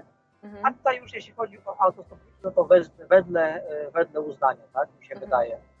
Ale już raczej to, to umiera taki, taki ten. Nie wiem, Na zachodzie jest to, na zachodzie jest to bardziej popularne. Na przykład y, często widuję, zwłaszcza we Francji, młodych Francuzów gdzieś tam y, na wakacje, którzy praktycznie całą Francję i Europę wjeżdżają autostopem. To jest tam bardzo popularne. Aha, aha. E, No dobra, to słuchaj, to wróćmy może jeszcze e, do tego tachografu, który cały czas tam tyka. On, rozumiem, tam raz na dwa lata musi podlegać kalibracji, tak? Czy to jest. Tak, e, kalibracja, tak. Tak zwana legalizacja tachografu. mhm, Czyli to oni jakby co, sprawdzają, czy on dalej jest sprawny? To tylko o to chodzi? No, po części tak, po części nie. No, tak naprawdę chodzi o pieniądze. To jest pierwsza rzecz. No No tak. bo to wiadomo, że taka kalibracja to jest powiedzmy tam koszt około 300 zł. To, to jest dobre pieniążki za 15 minut pracy. tak. E, No a chodzi ogólnie o to, że e, tachograf, e, to może jeszcze inaczej zacznę. Główną jakby rzeczą, która tu jest ważna, to jest rozmiar opony. Wiadomo, że opona się w czasie, w czasie eksploatacji ściera. I tak naprawdę kiedyś tam czytałem taki artykuł, że powinno się robić kalibrację tachografu po każdej zmianie opon. Bo tak naprawdę, jeżeli teraz kupimy nowe opony, pojedziemy na kalibrację tachografu, to skalibrujemy, to powiedzmy po przejechaniu tam paruset tysięcy kilometrów, ta opona się zedrze, będzie mniejsza o, o pół centymetra, to spowoduje, że auto będzie powiedzmy o 2 albo 3 km wolniejsze. Czyli będzie w tachografie pokazywało, że jedzie dalej 90 na godzinę, ale realnie prędkość fizyczna wedle GPS-u będzie mniejsza o 3 na godzinę. Za to z kolei w drugą stronę, jeżeli pojedziemy na legalizację tachografu, to jest de facto nie zabronione, zwłaszcza w Niemczech, na starych oponach robimy legalizację tachografu na 90 na godzinę, a tylko po wyjeździe z tego legalizacji zamon- zamontujemy nowe opony, które są wyższe, nawet nowe do, do centymetra, to na przykład będziemy jechali 94 na godzinę. Czyli będziemy mieli de facto auto niezgodnie z przepisami szybsze niż być powinno. Mhm. Czyli ta kalibracja Dlatego, że- jest połączona z, z danym autem też, tak? Tak, tak, no bo to jest po prostu komputer, ko- ten, ten całe to urządzenie, ten powiedzmy, że ta jednostka sterująca tachograf, jest podłączona do impulsatora w skrzyni biegów w samochodzie ciężarowym. Kiedyś te impulsatory były, były metalowe, można było podczepić tak zwany magnes i jechać na, na przerwie, a teraz od y, powiedzmy 10 lat, 10, może nie, 7-8 lat, już żeby nie było takich przekrętów robionych, to są to robione elementy ceramiczne, po prostu do których się magnes nie lepi. Znaczy, z, strzelam w ciemno, że to polscy kierowcy wymyślili ten myk z magnesem. Może nie, może nie polscy, ale po prostu kierowcy bardziej powiedzmy ze wschodu. Mhm. E, no ale ta kalibracja, rozumiem, to jest w gestii twojego pracodawcy, tak? Ty... Tak, tak, tak. To wszystko, co się w samochodzie dzieje, tak naprawdę to jest e, w kwestii pracodawcy. Wszystkie karty paliwowe, urządzenia do poboru opłat drogowych, e, właśnie tachograf, CB to wszystko z reguły leży po stronie pracodawcy. Kierowca tylko bierze swoją dupę, wkłada tachograf, kartę, odpala silnik i jedzie. Mm, no, a tak w ogóle od podstaw zaczynając, no to wiadomo, trzeba mieć to prawo jazdy kategorii C plus E, plus tak. jeż, jeszcze świadectwo kwalifikacji pracy, tak? Tak, tak, tak. E, I to... Jest to tak zwany, tak zwany kod 9.5 prawo jazdy. Mhm. I to też co, co, to z kolei co 5 lat musisz odnawiać, tak? Co 5 lat odnawiać, tak. Jest to kwalifikacja zawodowa, tak. Co 5 lat trzeba to odnawiać. No i co 5 lat to co? To są jakieś badania po prostu lekarskie? O co, co? co? E, nie no, jest to, jest to kurs po prostu, który trwa, e, robi się go z reguły online, trwa to około 5 dni roboczych.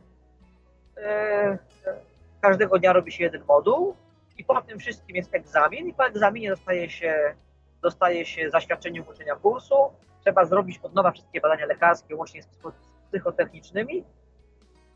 Idzie się do, do Wydziału Komunikacji zmienia się na nowe prawo jazdy. Mhm. To jest wszystko.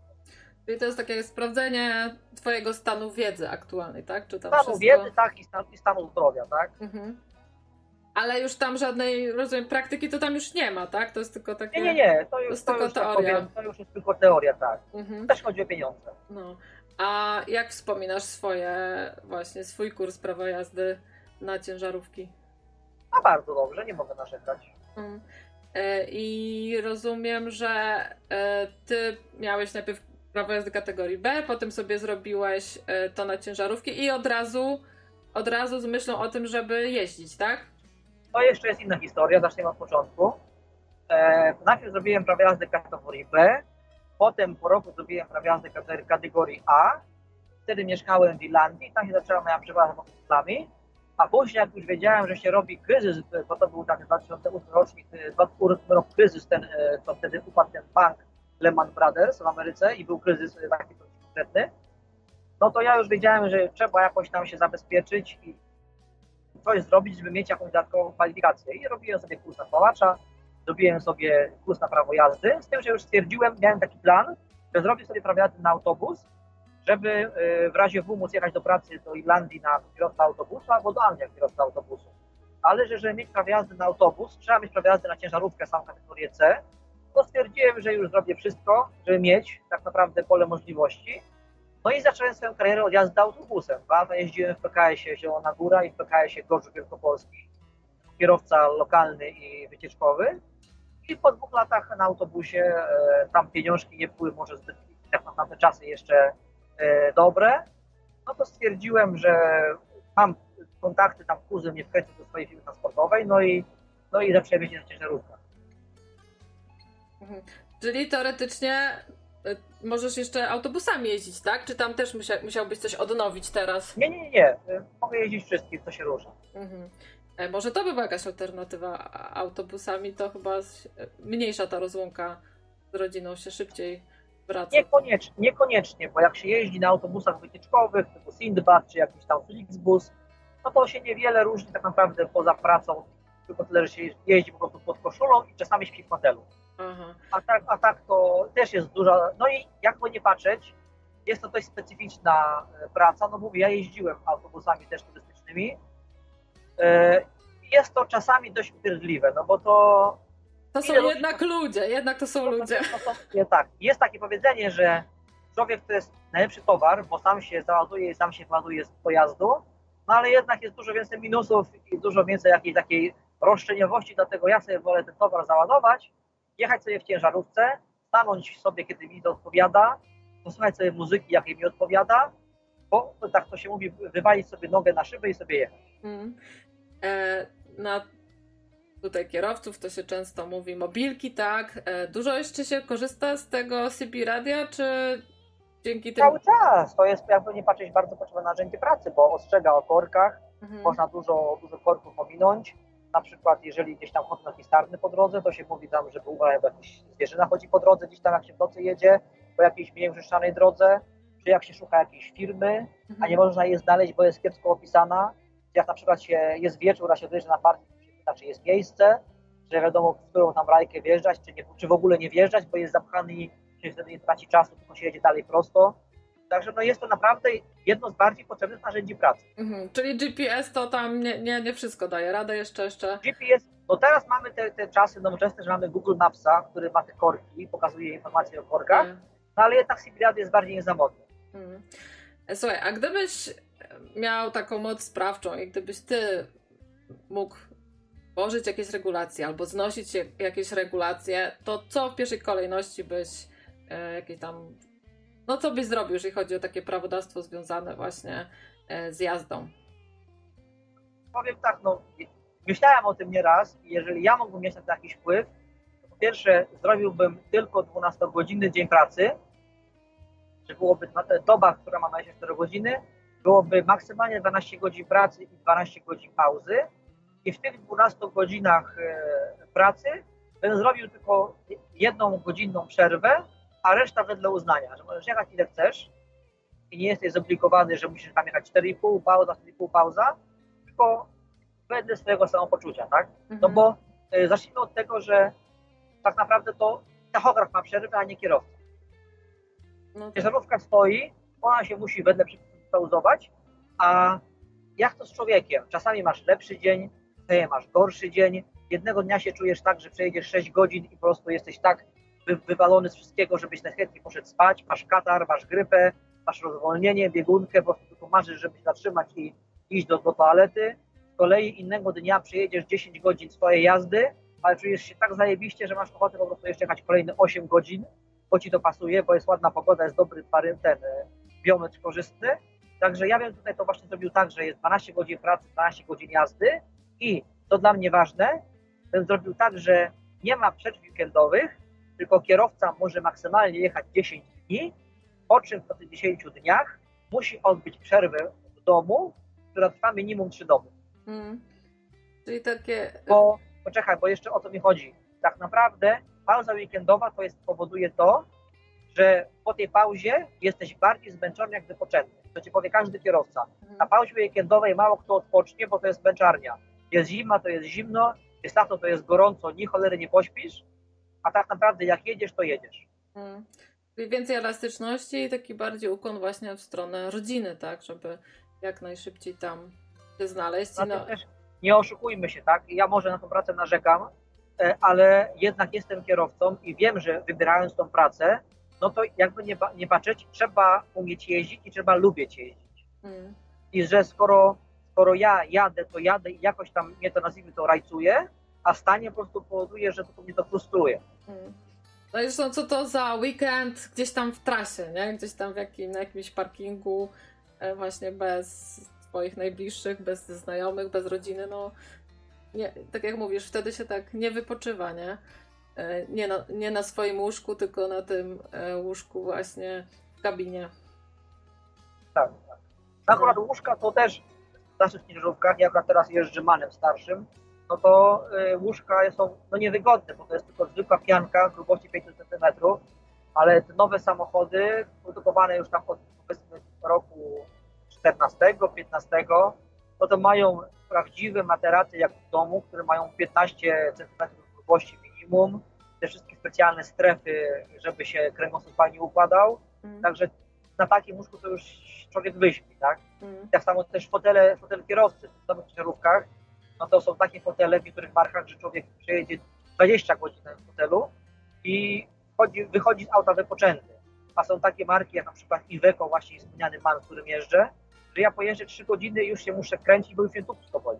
Mhm. E, no właśnie, a gdybyś ty miał jakąś swoją ciężarówkę tutaj wybrać, to no to nie Iveco, nie ma. To co, to Volvo faktycznie najlepsze? Powiem tak, jeździłem już wszystkimi ciężarówkami, jakie są na rynku. E, wszystkie objeździłem. E, I jeżeli chodzi o, o komfort używania kabiny na postoju, to najlepszą kabiną ma Mercedes, tak zwana salonka. To jest kabina Mercedes Solo Star. E, to jest bardzo fajna rzecz. E, ale jeżeli chodzi o jazdę, o prowadzenie się samochodu i o silnik, to wybrałbym jednak Volvo. Mhm. Na drugim miejscu po Volvo bym postawił egzekwo Scanie z DAF. Ty mówisz, że ten twój man to taki już starszy, tak? Tak, leciwszy, no No, leciwszy. no. A jest jakaś szansa, że jakiś nowszy dostaniesz? W tej firmie nie. W tej firmie nie, musiałbyś firmę zmienić. To może, może u tego Niemca byś dostał. E, To no, u Niemca to, to jest taka właśnie zależność, że firmy polskie biorą raczej samochody z najbiedniejszej linii wyposażenia. Rzadko która firma bierze takie, wiesz, full wypas. Gdzie z kolei w Niemczech to taki raczej wypas to jest raczej standardem. no właśnie. No właśnie, to pogadajmy tutaj o tych takich, wiesz, jakichś niesnaskach właśnie, takich międzynarodowych. E, no bo jak się słyszy o jakichś protestach e, kierowców, to to się głównie o to rozbija, nie? Tak jak kiedy, tam kilka lat temu było, że we Francji protestowali, że czemu tutaj Polacy za polskie stawki jeżdżą, że jak są we Francji, to powinni mieć płacone jak Francuzi, to wtedy by nie było takiej konkurencji z ich strony. A teraz z kolei mieliśmy dwa tygodnie temu w Polsce protesty e, kierowców. Tam się 200 tych ciężarówek zjechało do Warszawy. Oni z kolei protestowali przeciwko e, tym kierowcom z Rosji, e, którzy jakoś obchodzą te sankcje e, i dalej tutaj jeżdżą, a my z kolei już e, tam wiadomo po Rosji jeździć nie możemy. Jeżeli chodzi o te stawki, to jak ty uważasz, czy, czy tacy Francuzi mają rację, że to tak powinno być, że jakoś te stawki powinny być, wiesz, no, zunifikowane? No to już wchodzimy naprawdę w jakąś tam, nie wiem, geopolitykę, ale, ale mi się wydaje, no, że po prostu powinniśmy godnie zarabiać jako kierowcy, a teraz co to znaczy godnie, to już zależy od danego kraju, tak? No bo inna jest stopa życia w Rumunii, a inna stopa życia jest we Francji. Mm. E, A jak tutaj teraz e, mówisz, e, wysyłasz te CV, szukasz sobie może jakiejś lepszej firmy, jak to na tym rynku jest? No bo my dostajemy takie wiadomości, że o, brakuje 100 tysięcy kierowców. E, Czy faktycznie jest takie branie, że wiesz, e, zrobisz sobie ten kurs i od razu możesz przebierać w ofertach? No jeżeli masz doświadczenie, takie minimum pięcioletnie, no to każda firma stoi przed tobą otworem, to nie ma, nie ma, ma reguły. No to wiadomo, ale załóżmy, że robię teraz, e, wiesz, kurs i szukam jako taki świeżak pracy. No to zależy tak naprawdę na jaką trafisz firmę, no bo teraz mam, przy- dzisiaj na przykład rozmawiałem tutaj na załadunku e, z kierownikiem z biura, który, którego brat jazdy zrobił i szuka właśnie pracy i nie ma doświadczenia, no to ma ciężko ze znalezieniem pracy, bo jednak każdy by chciał, żeby chociaż ten rok pojeździł i udało mu się znaleźć jakąś firmę, która jest naprawdę tragiczna, jeśli chodzi o wypłaty, o rodzaj pracy wykonywanej, tak zwany, jak to się mówi w branży, dziad trans, no ale on się po prostu godzi na to, że będzie jeździł te tak zwane frycowe, żeby po prostu nabrać doświadczenia, bo inaczej nie, nie będzie miał otworu do lepszych firm. No tak. E, no tutaj to mi się zapytuje, co sądzisz o nowych ciężarówkach od Forda?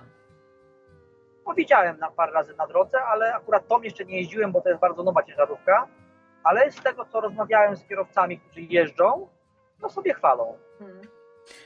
A jeszcze tutaj wracając do tych pracowników, e, no bo też się tutaj mówi, że żeby tutaj tą lukę u nas zapełnić, to się sprowadza, będzie sprowadzać e, kierowców z Azji, e, tak, z Indii. już, się, już się sprowadza. Ja nawet ostatnio spotkałem na parkingu w Niemczech, w polskiej firmie z Poznania, kierowcę z Filipin. Hmm. I co, pogadałeś sobie z nim trochę, jak się Tak, mu podobało? Pogadaliśmy, tak, tak. No, był bardzo zadowolony. No i właśnie ciekawa jestem, w jakim systemie on pracuje? Bo on już On jest w ogóle cały czas w pracy. Już ci mówię, on pracuje w systemie 3 miesiące w pracy, miesiąc w domu. Mhm. I rozumiem, firma mu sponsoruje tam przelot na te Filipiny, tak? A te powiem ci już szczerze, nie dopytałem. Mm. E, No, ciekawe, czy ten docelowo sobie może rodzinę tutaj sprowadzić, jak mu się spodoba. A ile on już tam pracował w tej firmie? E, pół roku, jak powiedziałem. Mhm. No, no ale Filipińczycy to oni są jakby tacy nawykli do takich długich kontraktów, bo to, to już wiem też od marynarzy, że oni to lubią. Od marynarzy, tak, też słyszałem wtedy właśnie na, na morskich opowieściach, tak. Tak, tak, oni to nawet chętniej dłużej niż krócej.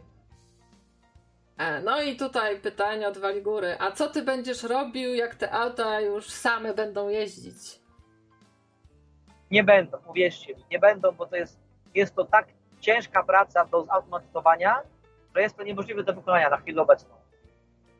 E, no, no bo tak o tych właśnie autonomicznych autach to się najwięcej w sumie słyszy, ale jakoś nikt się jeszcze na to nie może e, zdecydować. Tu to mi się pisze, że rozmawiał z kierowcą, który twierdzi, że przez to 70% kierowców straci pracę w ciągu następnych 5 do 10 lat. No, bardzo optymistyczne sposób na sprawę. E, no ale Gandalf już tak powiedział, że i tak generalnie e, kombinuje, co by tu innego sobie zaplanować. Ale właśnie jak już jesteśmy mm, przy tej pracy, no załóżmy, że jednak ktoś już zaczął jako ten kierowca i chciałby do emerytury dociągnąć e, jako kierowca, to gdyby to od ciebie zależało, to jaki wiek emerytalny e, dla kierowców? Ja tutaj jestem zdania, że e, jeżeli na to zdrowie pozwala, ktoś sobie radzi, to, to tak długo będzie się czuł na, na tak długo będzie czuł się na swoje siły, to nikt sobie pracuje, a po prostu ja bym to regulował badaniami i refleksem. To znaczy na przykład, wiem, powiedzmy tam po tym 65 roku życia bym robił po prostu badania kierowców co rok i one by odsiewały, czy się nadajesz, czy się nadajesz. Mhm. Czyli nawet kierowca 70-letni, jeśli dalej chce, jest sprawny, niech jeździ. Ale tak, jeżdżą tacy kierowcy do dnia dzisiejszego, ja ich widuję na drogach. To są normalnie zadowoleni ze swojej pracy ludzie, którzy dalej pracują, dalej się im to podoba, po prostu jeżdżą. Mhm. No właśnie, ale oprócz tej samej jazdy, e, to są jeszcze te załadunki i, i rozładunki. Tak. E, jak tutaj wygląda współpraca z tymi centrami logistycznymi czy z tymi firmami? E, no bo ja tutaj czasami. Transport dalekobieżny, gdzie się ładuje towary, transpeka, no to tam socjal jest z reguły dobry i traktowanie kierowców też już jest na dobrym poziomie, trzeba powiedzieć. E, parkingi są też często w takich centrach dosyć duże, można tam nockę przespać. Czasami też tak jest, że jak jest robota, taka kurierówka dobrze poukładana, to powiedzmy, że jedzie się ciężarówką, podczepia się pod rampę, postawia się pod rampę, odczepia się e, ciągnik, jedzie się na parking na tej firmie, w tym powiedzmy tam, nie wiem, w 9 godzin czy 10 ładują tą naczepę, po przerwie się naczepę podczepia, no i się jedzie, i się jedzie dalej w świat, tak? A, a są też takie firmy, gdzie na przykład to socjalu nie ma żadnego, zajeżdża się pod firmę, firma jest wywalona ogromna, taka, że jak cała jakaś miejscowość, plac jest powiedzmy brzydki, szutrowy, z dziurami, z kałużami i stoi jeden parszywy toj na placu. E, słuchajcie, jak macie ochotę tutaj do nas zadzwonić, to dzwońcie. Wiem, że tutaj e, wcześniej się martwiliśmy, czy ciebie nie będzie zrywało w trakcie tej audycji, a okazuje się, że mnie zerwało, ale tylko na chwilę już się udało z powrotem OBS-owi połączyć. E, także takie tutaj cikusy czasami z najmniej takich spodziewanych stron. To tutaj już mówiliśmy o tym, jak ten twój, e, twoja współpraca z tymi właśnie centrami logistycznymi wygląda, a jak wygląda jakaś e, współpraca z tą spedycją, która tobie, e, wiesz, te ładunki zleca? No to jest, słuchaj, tutaj jak w każdej spedycji przychodzi SMS albo na, na komputer pokładowy miejsc, adres załadunku, bo na przykład, nie wiem, tak, pytanie wygląda tak, że na przykład, nie wiem, tam powiedzmy Berliner Straße 10, e, Berlin, 24 e, palety, załadunek jutro o 8 rano e, i tyle. No i jedziesz w danym czasie na dane miejsce.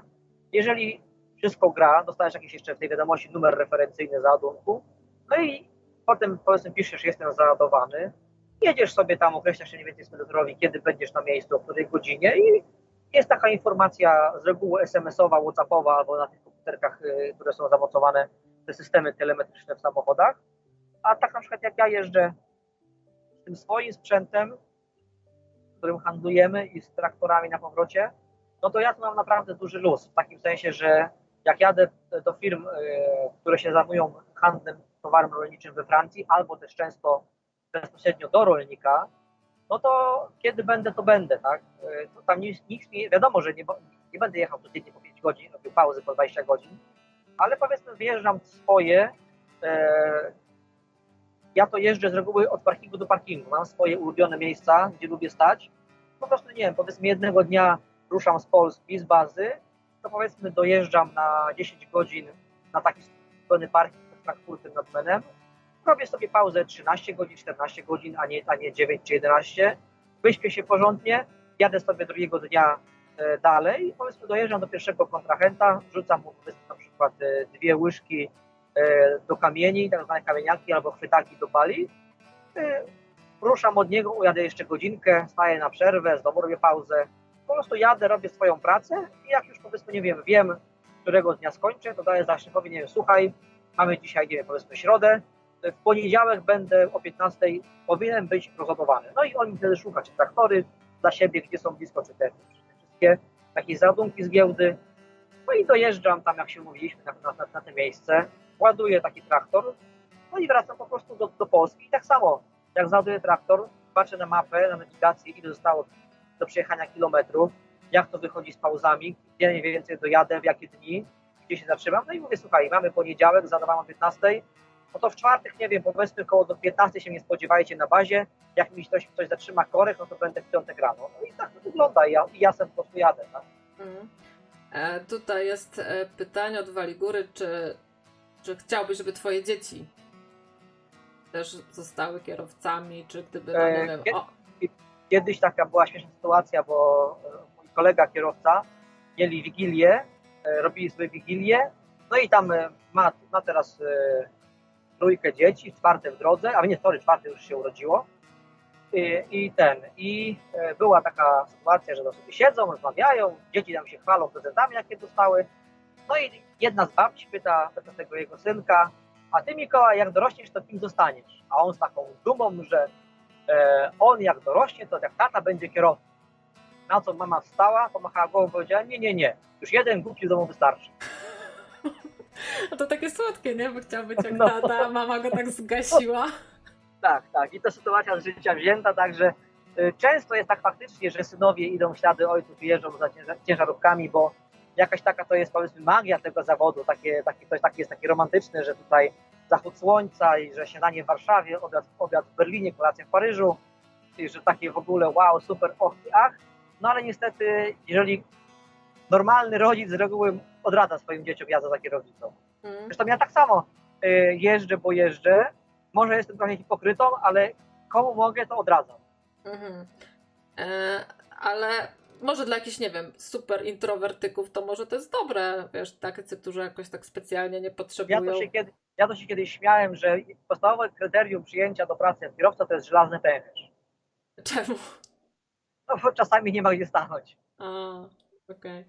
Okay. E, Tutaj jeszcze a propos tych autonomicznych samochodów, to tutaj chłopacy sobie dywagują. Adwokat pisze, że pewnie najpierw te dotychczasowe auta muszą się zużyć, że nie będą tych, co są teraz przerabiać. Ale mi się wydaje, że tutaj z tymi samochodami, no to jest tak w wielu e, tam branżach się słyszy od lat, że będzie automatyzacja, automatyzacja, automatyzacja i tak od 10-15 lat i dalej robimy to samo i, Ale i jakoś... słuchajcie, powiem, powiem tak, y, Pierwsza rzecz jest taka, e, że na chwilę obecną wszystkie te przepisy prawne i ogólnie cały ten przemysł motoryzacyjny, jeśli chodzi o auta osobowe, nie wprowadza pojazdów z autopilotem, takich prawdziwych i z taką typową autonomią, ze względu właśnie na bezpieczeństwo ludzi. A teraz zobaczcie, jak macie zestaw ciężarowy, który waży 40 ton, który naprawdę jest bardzo łatwo wprowadzić w poślizg i bardzo łatwo jest narobić dużo głupot, bo to jest bardzo prosto, rozbić się można w dwie sekundy e, i człowiek często tego nie ogarnia i są problemy i są wypadki, to maszyna tego nie udźwignie. Naprawdę tego nie udźwignie, najlepsze komputery tego nie ogarną. Jedynym, jedyną sprawą, którą ja widzę jakąś tam przyszłość dla pojazdów autonomicznych, to będą to autonomiczne samochody, które na dużych centrach logistycznych w obrębie danej firmy podstawiają samochody, w sensie naczepy pod rampy i parkują i przestawiają z miejsca na miejsce, ale w obrębie firmy. Ale uwierzcie mi, ja mam taki pogląd, że przez najbliższe 50 lat nikt o zdrowych zmysłach nie wypuści pojazdu ciężarowego autonomicznego na drogę. E, a tutaj, czekając na lawetę, się zapytuję, czy znasz kierowcę, dla którego jazda jest pasją? Tak, wielu znam. Prosty przykład mój kuzyn, który mnie wciągnął do transportu, do firmy od razu na ciężarówkę dużą, bo ja miałem to szczęście właśnie, że nie musiałem jeździć małymi, tylko od razu zacząłem jeździć dużym naczepą. No to on to jest prawdziwy pasjonat. Stary kawaler, który po prostu żyje tym, że jeździ. To Mhm. jest, to jest jego cały sens życia, że odjedzie ciężarówką. I on też po Europie jeździ? Tak, tak, po Tak. Europie. Mm. A no, a tak jak właśnie on, e, mówisz tutaj kawaler, to nie, nie ciągnęło go tak, żeby sobie właśnie pojechać może do Stanów, pojeździć, tak jak Iwona właśnie, że tam ma trochę już Kanady e, i Stanów poobjeżdżone? Nie, jakoś tak nigdy nie. Jemu tu jest prostu dobrze. E, To mówisz, e, to kuzyn cię wciągnął, tak? E, Tak, tak. I, I co, w jednej firmie na początku pracowaliście, tak? Tak, na początku po prostu z nim jeździłem, pierwsze parę, parę tras, a później z innymi kierowcami. No i później już jeździliśmy na dwóch samochodach, że tak powiem. e, On miał swój, ja miałem swój. I się jeździło, tak? Mm. A znasz, a ty może kogoś wciągnąłeś do jeżdżenia, czy faktycznie od samego początku odradzałeś? Nie no, może nie tyle wciągnąłem, ale e, kolega mój, który teraz już praktycznie przyjaciel, który kiedyś jeździł solówkami, czyli tak zwanym e, autem na samą kategorię C, jako ciężarówka bez przyczepa, bez naczepy, e, w końcu sobie zrobił prawo jazdy na kategorię na, na naczepy, przyczepy i przyjął się do mnie do firmy i ja go uczyłem jeździć z naczepą. Mhm. I co, e, ile wytrzymał w zawodzie? E, Dalej jeździ do dzisiaj. A dalej jeździ, czyli z sukcesem Tak, pełnym, tak, tak, czyli... Po prostu w mojej firmie pojeździł pół roku, gdzie się po prostu wdrożył w jazdę z, z naczepą poszedł sobie właśnie do Niemca i pracuje sobie u e, firmy niemieckiej od Mhm. poniedziałku do piątku. Czyli Gandalf go O, teraz tutaj... Nie wiem, czy widzicie, ale może kamera nie pokaże, ale jest bardzo ładne czerwone słońce. teraz na- O na tak, tak. Dzięki tobie dzisiaj e, widzimy zachód słońca w nocnym radiu. E, Gandalf, zmierzasz teraz na dłuższą taką przerwę świąteczną do domu. Tak, tak. Dzisiaj w nocy będę w domu i do, do wtorku do wieczora raczej, bo raczej wtorek się nie, nie, nie, nie zapowiada, bo trzeba jeszcze trochę w samochodzie pogrzebać, także pewnie w środę będzie wyraz bezpośrednio na Francję. Mm. E, No, a to, słuchajcie, właśnie, bo tutaj już zachód słońca, my już tutaj z półtorej godziny jesteśmy, e, także no dzwońcie, dzwońcie. E, może być, możecie też dzwonić z samochodu. E, tutaj trochę takich nocnych kierowców e, było i jest w nocnym radiu, także zapraszamy e, na antenę. E, No a propos właśnie tutaj, Emil coś tutaj pisze o jakichś czopkach i innych e, rzeczach, a zdarzyło ci się, że tak cię, wiesz, w tej trasie gdzieś tam w jakiejś Francji zmogła cię choroba? Parę razy się trafiło przez te wszystkie lata i, że tak powiem, biegunka całodniowa też się trafiła, to, to nikomu nie życzę. Mm. E, No to wiadomo, no to wtedy po prostu już spędzasz na tym parkingu dodatkowy dzień, tak? No E. wtedy, wtedy po prostu jak się jedzie, to się staje co pół godziny do toalety. Jak to mówią, jest takie powiedzenie, że na spanie i na stranie to nie ma mocnych. No, ale rozumiem, że ty masz normalną umowę o pracę i jak źle się czujesz i faktycznie cię choroba dopada, to nie ma problemu, e, bierzesz raz miałem- L4, raz- tak? Raz miałem taki przypadek, że po prostu w trasie złapała mnie ta taka totalna grypa.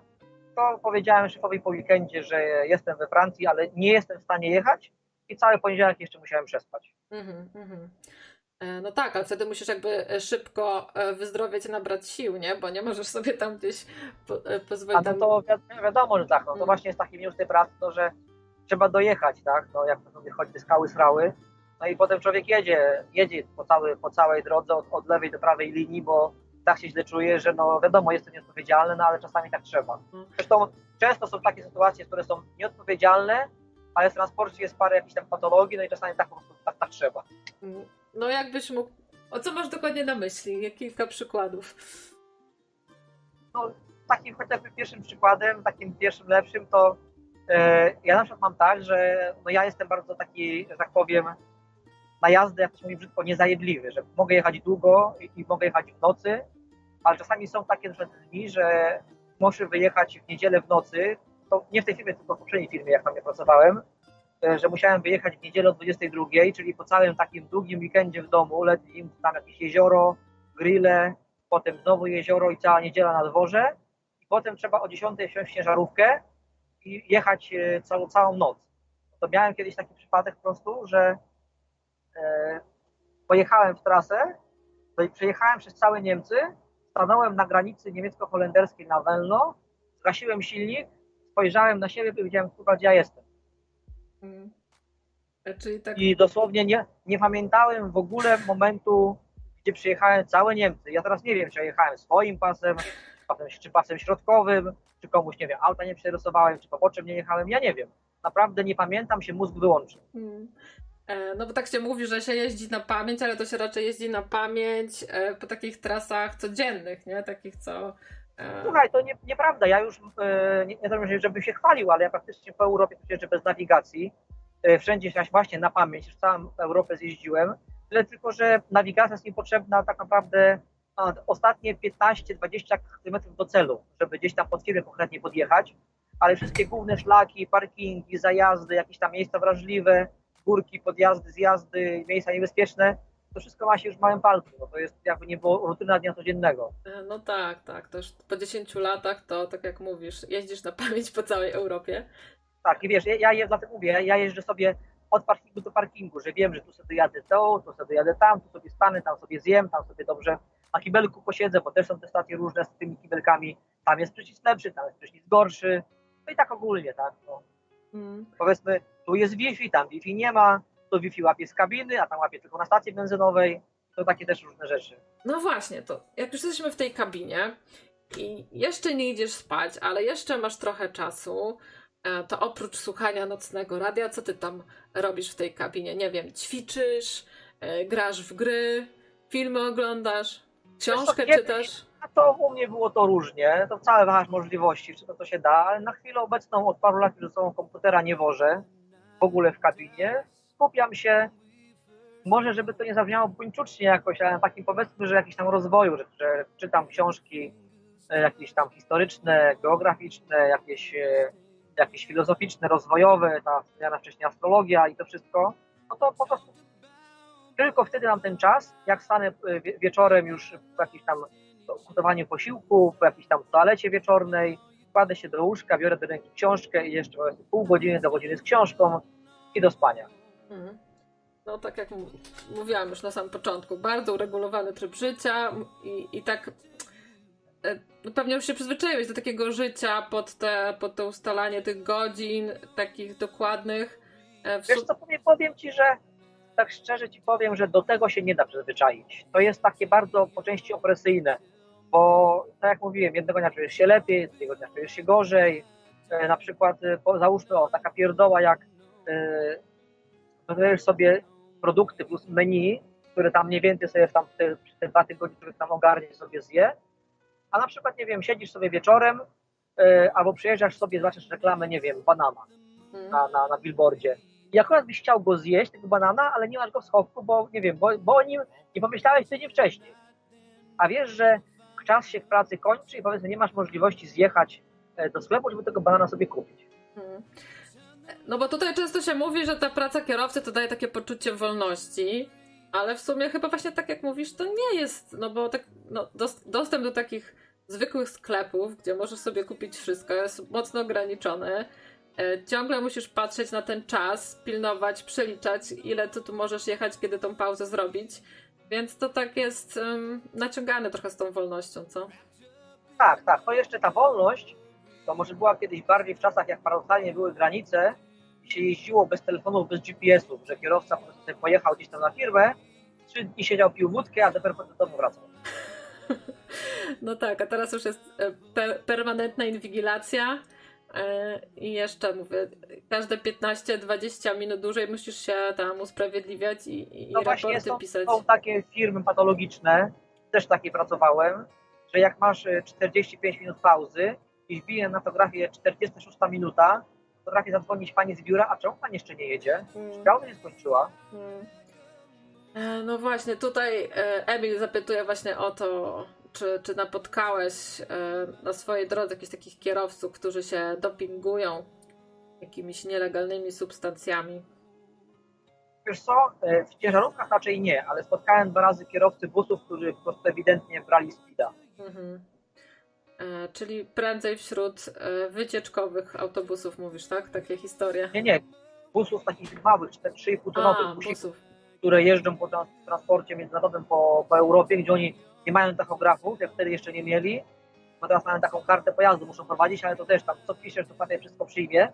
Także tak naprawdę oni jeżdżą na okrągło. No i żeby na przykład, nie wiem, kiedyś było takie powiedzenie, tak, że e, czekaj, jak to było, żeby to skłamać, e, Paryż, Chiny, dwie godziny. Aha, no. e, jeszcze tutaj, jeżeli chodzi o taką może wolność, to jest taka, że mało masz kontaktu jednak chyba z innymi ludźmi, nie? Jak to kogoś męczą e, ciągły kontakt z klientem, e, to... to... Tak, tak, naprawdę kontakt to masz tylko z branżą, z ludźmi typu kierowcy na parkingach, ewentualnie osoby z biura lub na załadunku jakiejś wózkowi, a mhm. tak no to y, nie masz z nikim kontaktu, no, totalnie z nikim. Poza telefonem, dzięki Bogu za czasy, że mamy Whatsappy, Skype'y, jakieś tam Facebooki, Instagramy, że możesz jakoś tam jeszcze, jak masz takie tutaj zacięcie, ten powiedzmy socjalne życie prowadzić, ale tak takie fizyczne, te realne, to, to, to praktycznie nie istnieje. Mhm. E, tutaj e, wcześniej rozmawialiśmy, e, że wcześniej, wcześniej e, to kiedyś myślałeś też o byciu marynarzem.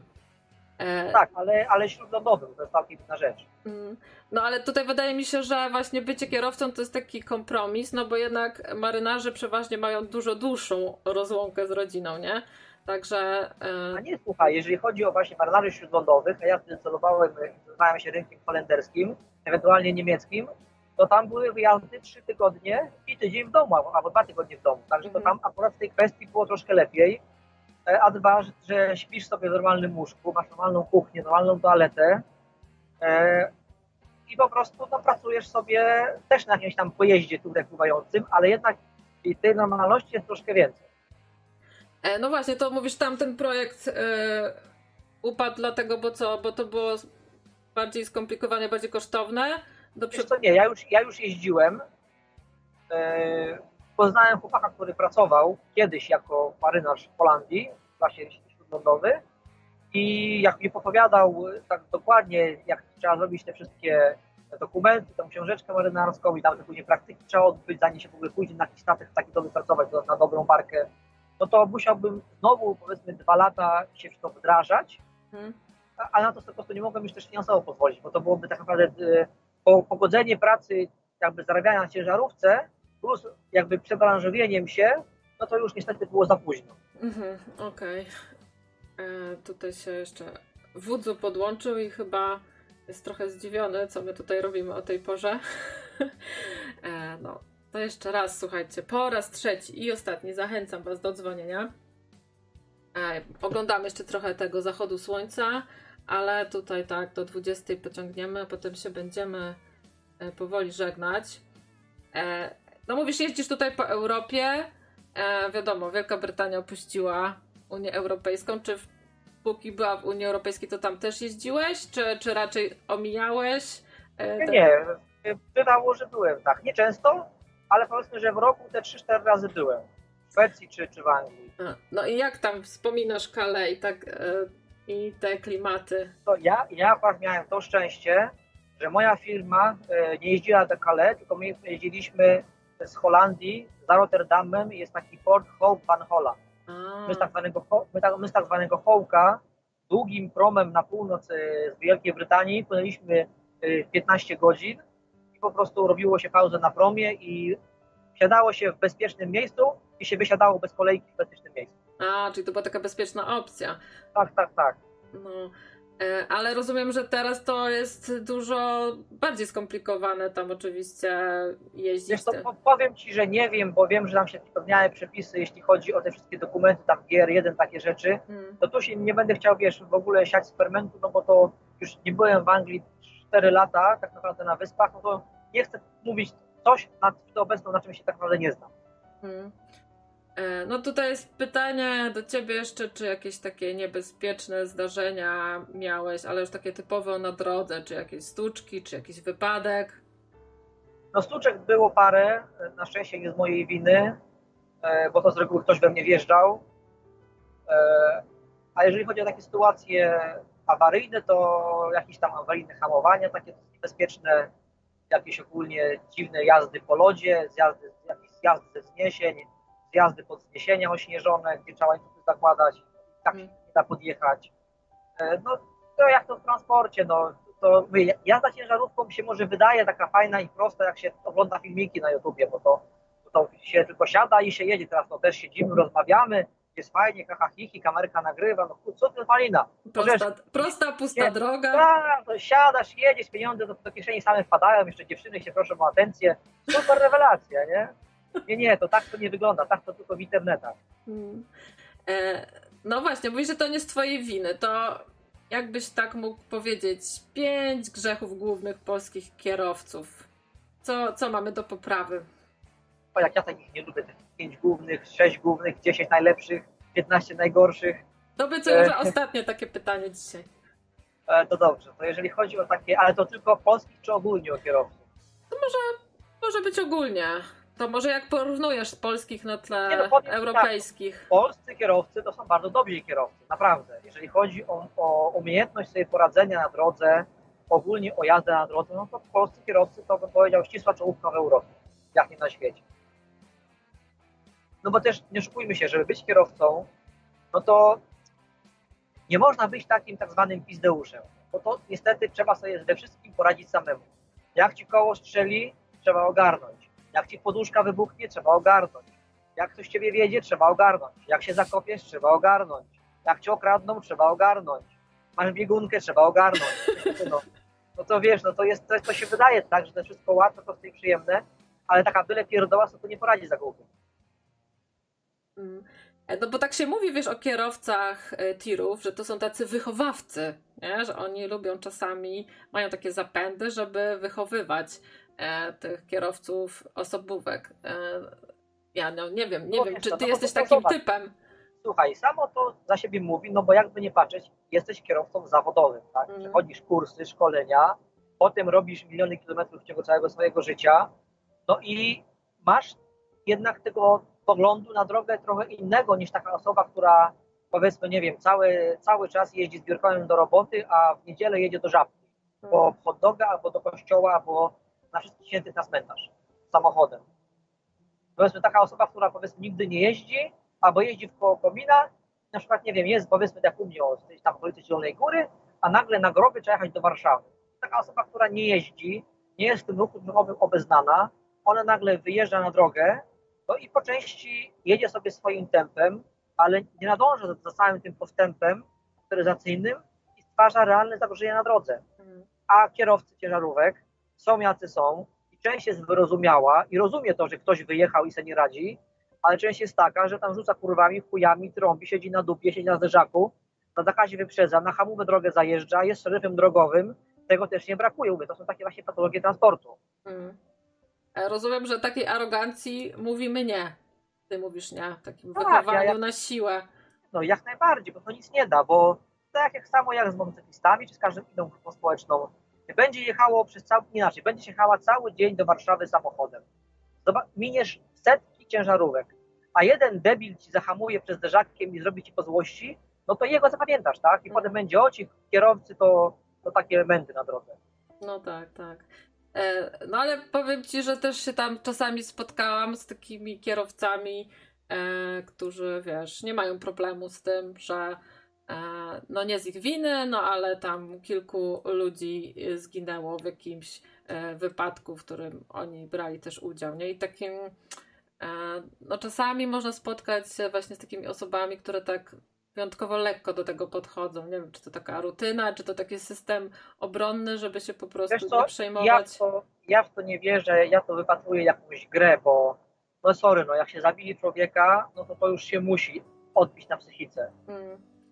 No my tu właśnie e, dwa tygodnie temu mieliśmy taki straszny wypadek na obwodnicy Trójmiasta. No to nasz Owińce Trójmiasta to niby droga szybkiego ruchu, ale tak naprawdę e, na większości już jest tam ograniczenie albo do 90, albo do 100, a przeważnie to ona w którąś stronę stoi, to nasza obwodnica, bo tam e, średnio są dwa wypadki czy tam stłuczki dziennie, więc jak jedziesz do Gdańska, no to tylko pytanie, nie? Rzut monetą, czy, czy ty będziesz stać, czy ci drudzy będą stać. No E, tak, tak. E, I jest tutaj pod tym względem no, bardzo gęsto i, i trzeba bardzo uważać. E, No i faktycznie często są takie sytuacje, że wiesz, ty sobie tutaj idziesz stówką, a tutaj już zaraz właśnie musisz e, hamować i, i stoisz w korku. E, no i właśnie jedna kurierka e, nie wyhamowała, nie zorientowała się. E, no i po prostu wjechała tira. No i poniosła śmierć. Poczekaj sekundkę, ja tylko zapłacę za autostradę. O, Moment. Wjeżdżamy na bramki, słuchajcie. To jest e, powoli znak, że my się chyba będziemy też, też będziemy Nie, no wjeżdżać spokojnie. na bramki. Do, do, dopiero pierwsze bramki. E, Spokojnie. Dzień dobry. ciekawe, ile ten Gandalf tam zapłaci? Dziękuję. 100 zł za przejechanie jednej bramki. Okej. No tak, bo wy macie jakieś tam dużo większe stawki, nie? Tak, tak, tak. Koszt przejazdu autostradą ze Świecka do Warszawy to jest jakieś 500 zł teraz. Mm. E, no tutaj od Christophera pytanie, czy wyprzedzasz 10 minut drugiego, co jedzie prawym pasem? No, Zdarza się. A to wytłumacz, czemu te tiry muszą się wyprzedzać? Czy nie możecie sobie po prostu jechać jeden za drugim? Przecież i tak musicie przestrzegać tej prędkości, macie te tachografy. Jakim prawem wy się wyprzedzacie? Po co? No zobacz. e, Dam Ci taki prosty przykład. E, Ruszasz sobie z, e, powiedzmy gdzieś tam z Madrytu, z Hiszpanii i musisz być w czwartek o godzinie 15 na przykład w Warsza- pod Warszawie na Błoniach, na centrum na logistyce, żeby zdążyć z rozładunkiem, bo jak nie będziesz do 15, to cię nie rozładują. Mm.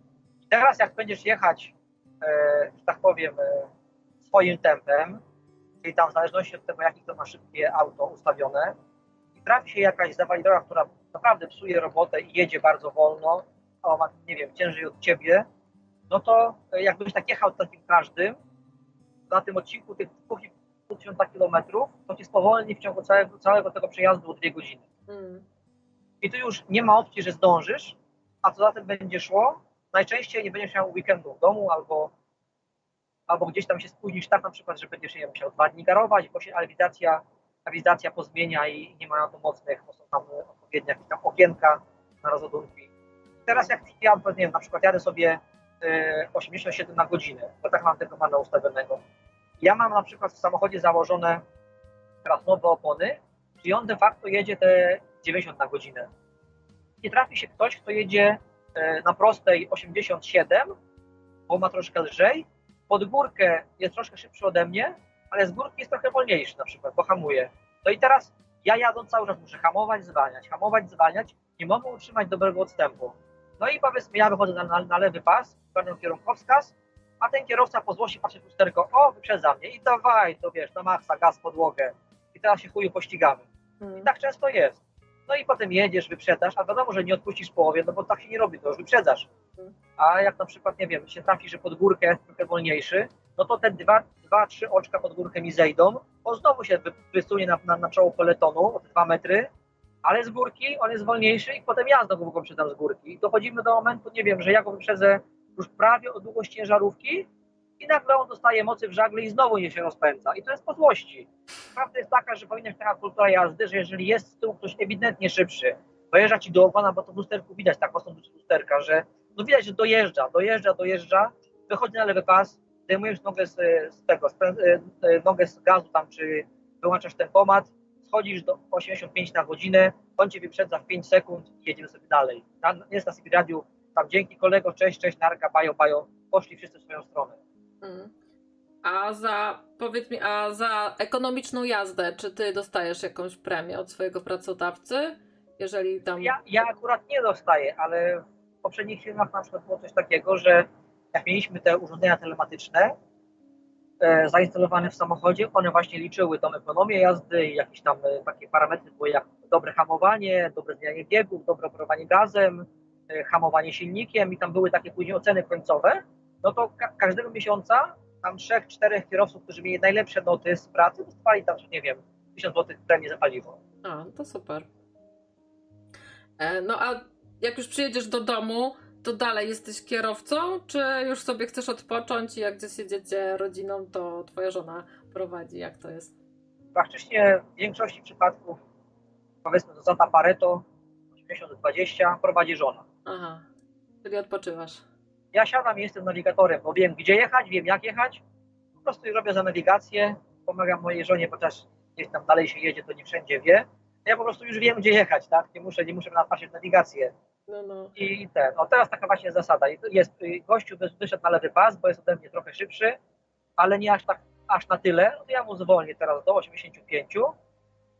On mnie zaraz wyprzedzi i sobie pojedzie dalej swoją drogą. A z tyłu już się robi sznurek samochodów osobowych już nawet jeden mu miga, czym on mi wyprzedza. Mm. A ja go teraz puszczę, mi to nic nie szkodzi, bo z tyłu za mną nic nie jedzie. On sobie pojedzie, ja sobie pojadę, podziękujemy sobie i będzie, będzie dalej. Mm. E, no właśnie, ty teraz jedziesz i masz ten, e, masz jeszcze coś tam, tak, na załadowany, załadowane? Ja mam już teraz załadowany towar bezpośrednio dla mnie na wyjazd na poświętach. A, czyli ty już nie musisz nigdzie z tym jechać, rozładowywać. Tak. Ty już jesteś gotowy do drogi, e, będziesz na, na następną środę. Tak, po prostu będę od razu przyjadę na bazę, piję z chłopakami kawę, pogadamy tam jak święta minęły i pojadę do, do pracy. Mm. Czyli teraz jedziesz do, na swoją bazę, tam za- po prostu zostawiasz tam samochód, kluczyki i tak bierzesz, tak, ze sobą? No nie, i my akurat mamy, klucze do biura, w biurze jest skrzynka na, te, na dokumenty, skrzynka na papiery różnego rodzaju, skrzynka na kluczyki od samochodów. No bo czasami się trafi, że ja jestem e, w domu, a trzeba przestawić ciężarówkę, bo na placu przeszkadza, żeby coś tam zrobić. To Mhm. kluczyki, wszystko jest zawsze e, w skrzynce pochowane, nie? No, no. I tam wsiadasz w swoje autko i, do domu. O, I zaczynasz- Przywożę, przywożę sobie swoje jedzenie, to trzeba, tam jakieś wodę, nie wodę, rzeczy i po prostu no, ten, Mm. się mówi, jadę do pracy. A czy firmy transportowe, takie jak ta twoja, robią wam jakieś integracyjne spotkania od czasu do czasu? E, Moja firma jest ewenementem, nie robi. Nie macie żadnych dni dziecka Nie, ani tego nie, typu. nie, rzeczy, nie jakieś tam paczki świąteczne, takich rzeczy, to u nas tego nie ma, niestety. Chociaż mógłby się szef postarać, bo to dużo nie kosztuje. A Nawet bonów świątecznych nie dostajecie? Nie, my akurat nie. Mhm. To jest takie coś właśnie, że u nas jest szef taki specyficzny, że no my musimy się pogodzić z tym, że jest jaki jest. Mhm. Trochę sknera, ale przynajmniej, przynajmniej was nie przymusza do jakichś e, wigilii pracowych. Nie no, była w tym roku Wigilia Pracowa, ale praktycznie była w takim terminie zrobiona. Nie wiem, czy, yy, co ja mówię, klasowa, kurde, przecież liceum w szkole się wspomina. Wigilia Pracownicza, yy, która po prostu była w takim terminie, że żadnemu kierowcy nie pasowało jak zjechał i było tylko same osoby z biura. Aha, no to dla siebie zrobili, no to brawo. Tak, no można tak powiedzieć. No dobra, a myśmy teraz odbili w prawo, na, odbiłeś teraz na? Teraz jadę na słupce, żeby ominąć dwie bramki na autostradzie, bo to są tak zwane kluczykówki. No i jadę sobie drogą starą wzdłuż, wzdłuż autostrady. No Co- i sobie jadę pomału taką już lokalną drogą. Co to- Starą, starą 92. A co to są kulczy, kulczykówki? Y, Tak, no autostrada Kulczyka, tam firmy Aha. Kulczyk, na to się mówi Kulczykówka. Aha, no proszę. E, tutaj pośrednik mówi, że to takie cygańskie życie w zamian tak za te 10 koła. E, czy, czy ty tak to postrzegasz? No takie trochę cygańskie, tak? Tylko, że po prostu może- nie jeździsz można- z rodziną. Można tak powiedzieć, że całe życie w taborze. No. E, no dobra, słuchajcie. Będziemy się powoli żegnać, bo szczerze e, to wiesz, póki pojedziesz na autostradzie, to tak, to tak wszystko dużo bezpieczniej wygląda, nie? Niż jak się na taką jednokierunkową tutaj A nie, słuchaj, na spokojnie, ja mam jeszcze, możemy jeszcze dwie godziny rozmawiać, nie ma problemu. Mi jeden... czas, mi czas przyjemniej zleci, możemy No. zmienić temat, nie musimy już gadać o, o, o, o byciu kierowcą, nie ma No. problemu. No to e, słuchajcie, kto chętny, to zapraszam jeszcze na Skype'a. E, tutaj słoneczko już zaszło, ewidentnie. E, Nie patrzcie na, ograniczałem prędkości, bo ja tam z reguły, że tak powiem, staram się jechać przepisowo, ale jeśli chodzi o takie drogi, to się z reguły jedzie to się na odcięciu, czyli 90 na godzinę. Mm. E, No ale puściutko jest w miarę, także na spokojnie. To już, już teraz cię żadne korki nie spotkają. No raczej nie, wiesz, czasami są też wypadki w nocy, nie? I też, też wtedy się stoi, bo drogę zamykają. Mm. E, No, a pamiętasz takie sytuacje, że faktycznie jakoś tak pechowo e, musiałeś gdzieś zostać e, właśnie na noc, na weekend, nie udało ci się właśnie przez jakąś taki... Tak, tak, takich to było napęczki, bo to, to jak właśnie mówię, gdzieś tam się dojechało za późno, bo na przykład był korek w Niemczech jeden, potem we Francji drugi, takie korki po 2-3 godziny, to spowodowało tym, że po prostu powiedzmy zamiast zrzucić towar w piątek, wstałem w poniedziałek, zamiast być w domu na przyszły tydzień w środę, byłem dopiero znowu w sobotę na przykład, tak? Także zamiast być w trasie e, powiedzmy 9 dni, ja byłem 15 dni w trasie. No, no właśnie najgorzej jak cię jakieś e, te zakazy świąteczne dopadną, e, bo teraz na przykład wchodzimy w święta, to też tak tam jest, że nie wiem, ty pewnie wiesz kiedy tam te Tak, zakaz... no, to w zależności od kraju są zakazy, ale są tak. Na przykład w Niemczech teraz będzie zakaz w piątek Mm. i w poniedziałek, tak? Czyli de facto jak ktoś tam wraca z zachodu, y, gdzieś tam wjedzie towar z zachodu, to musi do czwartku musi do, do domu wjechać, nie? Żeby, żeby go w piątek Niemcy nie ugotowały, wtedy byłby dopiero w domu w sobotę. E, No, tu, tutaj się pytają, czy masz jakąś e, graficzkę. E, w sensie, ja nie, nie wiem dokładnie o co chodzi to misiowi, ale ja się chciałam zapytać, czy masz taki, e, wiesz, e, taką tablicę rejestracyjną ze swoim imieniem. Wiesz to nie, mam tylko taką, taki wiszący proporczyk z miejscowością Świebodzin i Polska i to jest wszystko. Mm, I to wszędzie na, tak na szczęście trochę bierzesz, tak? To kiedyś dostałem od rodziny i tak ze mną jeździ. Mm. E, No dobra, słuchajcie, ja ten. No i, i jeszcze można powiedzieć, że w plecaku mam teczkę wypchaną rysunkami od dzieci. A, sobie zawsze ci coś, coś dają na drogę. Tak, zawsze jakąś laurkę, jakąś, jakąś kartkę, jakieś coś. A Mam tatę, już tego, no, mam już tego dosyć dużo. a tatę zawsze rysują e, z tym, z samochodem w tle? Nie, właśnie moje dzieci jakoś tak do tego podchodzą, że jeszcze są jeszcze małe, bo tam syn ma 10 lat, córka ma 8. E, No to tak, że tak powiem, jeszcze nie widzą tego świata, że tata jest kierowcą. Tata, tata jedzie do pracy po prostu. Mhm, mhm. A nie, nie chcą czasami, żebyś ich zabrał ze sobą? E, Może nie chcą jeździć jakoś tak daleko, ale tam e, dwa czy trzy razy ich tam przywiozę po takim krótkim odcinku, gdzieś tam od parkingu do parkingu, e, czy tam pod domu na parking do głównej drogi. No wiadomo jak to dzieci, no posiedziały, pośmiały się, ale więcej się nie pytało o to. E, No bo tak e, się sły- słyszało, nie? Kiedyś i, i- teraz czasami, pewnie teraz już rzadziej, bo teraz powiedzmy rodziców prędzej stać na jakieś wakacje, ale e, te dzieci właśnie kierowców to w ramach takich wakacji, nie? E, to czasami jeździły z tymi ojcami e, w taką podróż po Europie. E, chociaż Tak, tak. No, chociaż tak jak mówisz, tam tego zwiedzania, tej przyjemności to tam trochę mało wtedy jest, ale, ale zawsze można powiedzieć, że się było we Też, Francji. też, wiadomo, też wiadomo, że jak się właśnie jedzie z dzieckiem na jakąś czy z żoną na jakąś trasę, no to wtedy też to się troszkę inaczej planuje taką wyjazd. Na przykład się mówi do edytora, że słuchaj, jadę z żoną, daj mi jakąś tam daleką trasę, bo chcę jej, już nie wiem, powiedzmy, pokazać Paryż. No, no, o, mamy No tutaj wtedy pierwszą i wtedy się sytuację jakąś. Komuś się coś tam rozkraczyło. Tu się samochodzik na światłach. No. E, Znajomy kierowca w kółku 10-12 godzin nocki w Polsce brał 5 koła. No właśnie, jakie są teraz te średnie zarobki e, e, tych kierowców? Bo to tak jak mówiłeś, to jest, to jest bardzo się różni, nie? Można od 5 do 15, tak? Na, na krajówce tej tak zwanej to się No. tak zarabia właśnie około 5-6 tysięcy złotych, to jest takie minimum, taka norma mhm. raczej. A na zachodzie to mówię, to zależy, czy jeździsz w dobrej firmie, czy w gorszej firmie, no i to może być powiedzmy tam od 7 do nawet 12 tysięcy w polskiej firmie. Mm.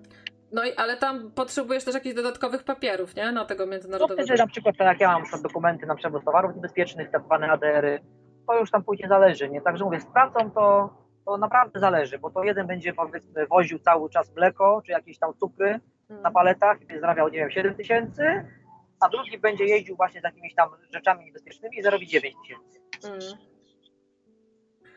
A, Także takie to są zarobki. No to właśnie ciężko wyważyć, nie? A Czy to jest dobry, wystarczający ekwiwalent za tą rozłąkę z rodziną? No i moim zdaniem no dość niebezpieczna praca. Jak ty to oceniasz? No, na pewno nie należy do pracy łatwych przyjemnych, to jest raz, bo dużo jest zmagań w ogóle z życiem w pracy. A jeżeli chodzi ogólnie o jakiś taki, nie wiem, stopień niebezpieczeństwa, no to w takiej skali do 10 powiedziałbym takie 6,5. Mhm, mhm. E, no, no i w sumie tak to, to, to niebezpieczeństwo takie bardziej takie przypadkowe, nie? E, I... Tak naprawdę ja to, mimo że już kilka lat jeżdżę, to ja po prostu boję się przed zimy. Nie lubię jeździć w zimę, bo to wtedy są takie sytuacje na drodze, że to, to na to już wtedy nie ma żadnego wpływu, bo to czasami się takie manewry odwalają, hmm. że po prostu głowa boli. No właśnie, w zimę to powinniśmy wszyscy zapadać w sen zimowy i na żadne drogi tam nie wyjeżdżać i, i byłoby dużo e, bezpieczniej. E, e, no dobra, słuchajcie, ja muszę kończyć, bo tutaj zaraz będę mieć nalot w domu, bo tutaj wykorzystałam też super, że jestem sama. O, Gumball się pojawił. Gumball, to może jakiś telefon na koniec od tutaj redaktora. E, no tutaj już ciemno, coraz mniej będzie widać na tej drodze. E, a Gandalf, słuchajcie, tutaj zawita na dobre w nocnym radiu, przynajmniej na kilka audycji. E, może już niebawem coś z udziałem Gandalfa będzie. Może jeszcze, może jeszcze w tym tygodniu. Kto wie, kto wie, jak pogoda pozwoli. No i szykujemy się, szykujemy się na tą audycję.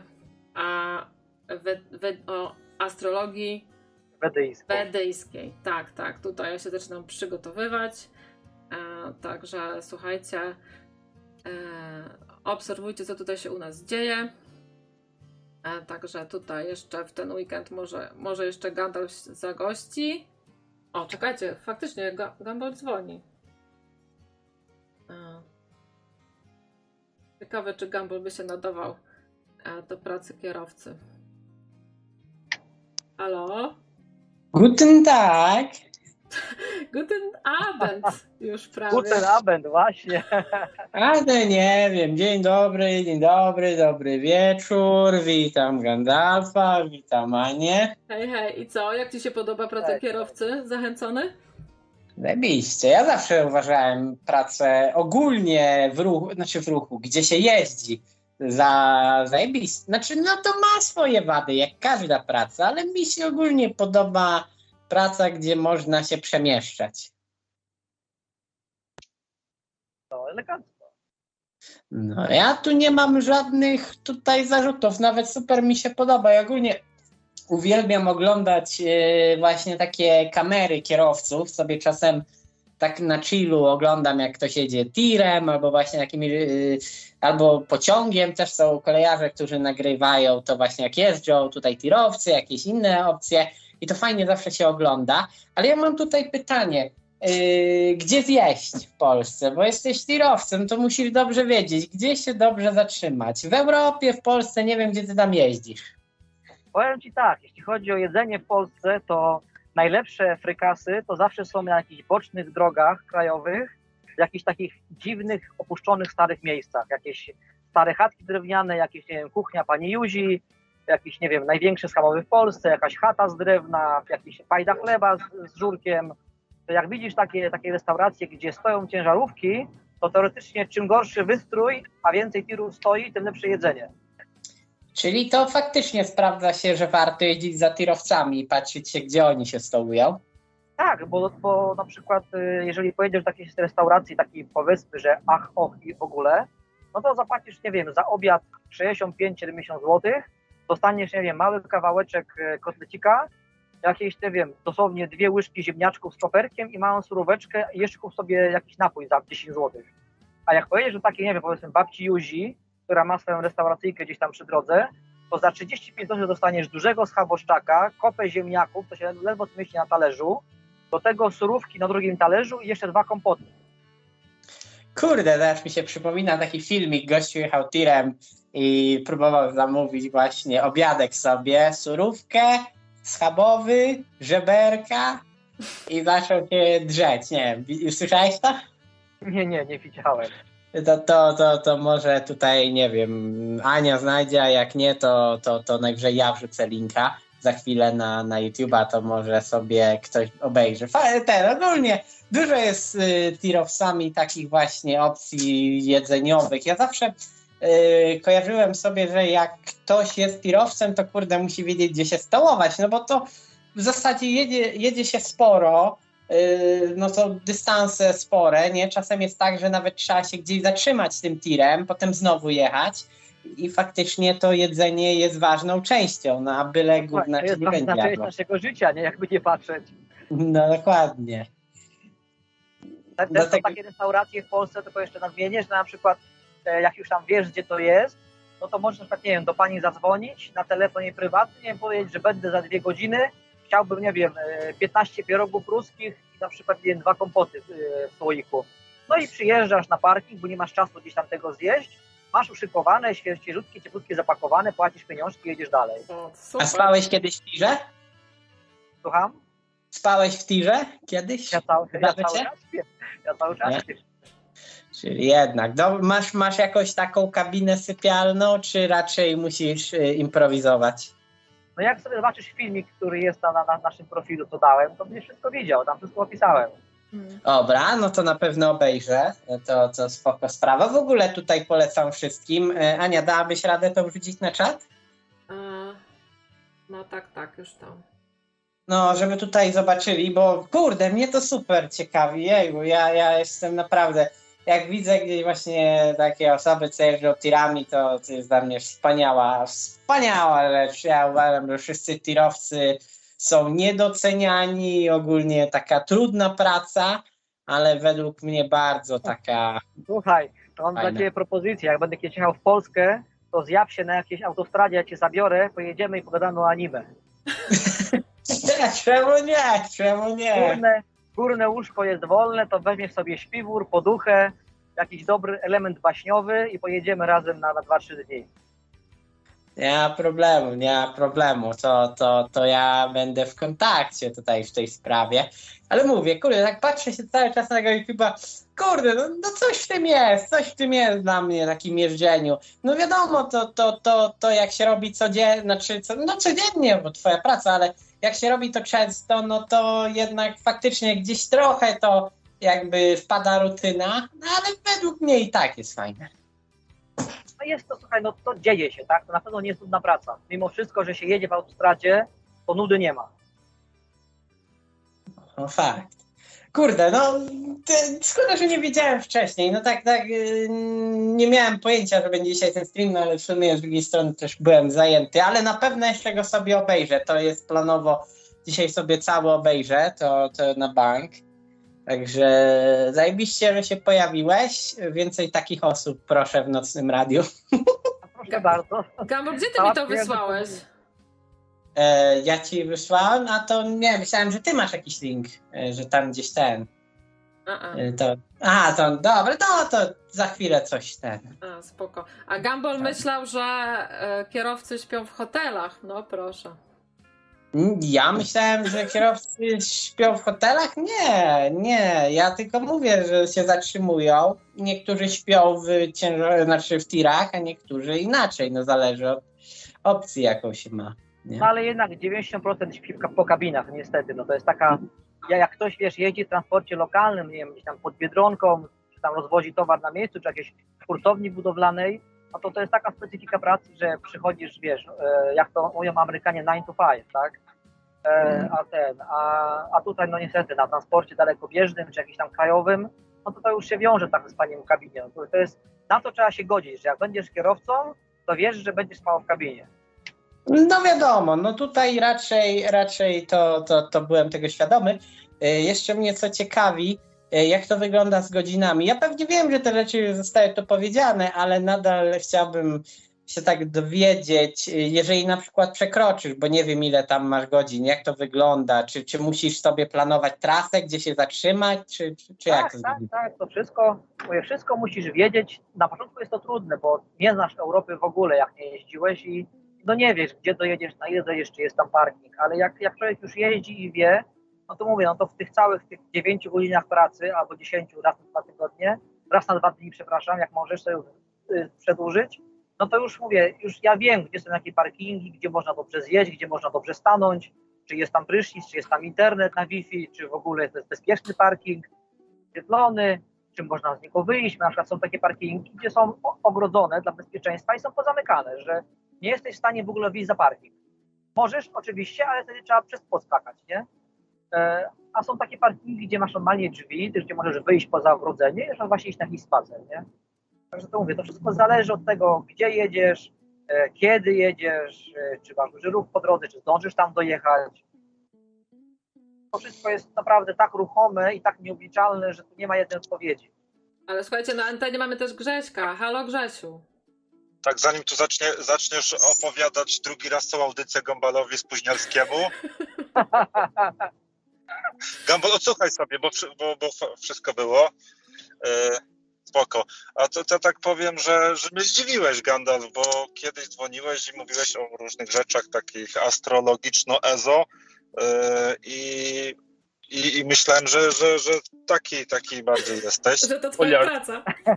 A tu taki, to, to jest taka tylko pasja na boku mała, bo to, yy, tak. chłop solidnie... Nie, to jest takie, wiesz, to jest takie z nudów. Twardo na nogach stojący, yy, albo na kołach stojący w tym wypadku. Także mnie to zdziwiłeś, z innej strony w ogóle cię jakby zapamiętałem, nie? Ciekawe. Aha, no widzisz, no jak patrz, jak można pozory łatwo, tak? Tak pozory no. mylą. Ale słuchajcie, słuchajcie, chyba słucha nas żona Gandalfa. Bardzo, bardzo, bardzo prawdopodobne. Firoxy pisze, buziak dla męża. Pozdrowienia o, dla słuchaczy i pani prowadzącej. Fajnie Widzimy się, się wieczorem. Szykuj się, kochanie. Nie, kochanie, jadę. jadę do ciebie. No, to pozdrawiamy. Stawię fajnie. wino do lodówki, jadę. wino się chłodzi.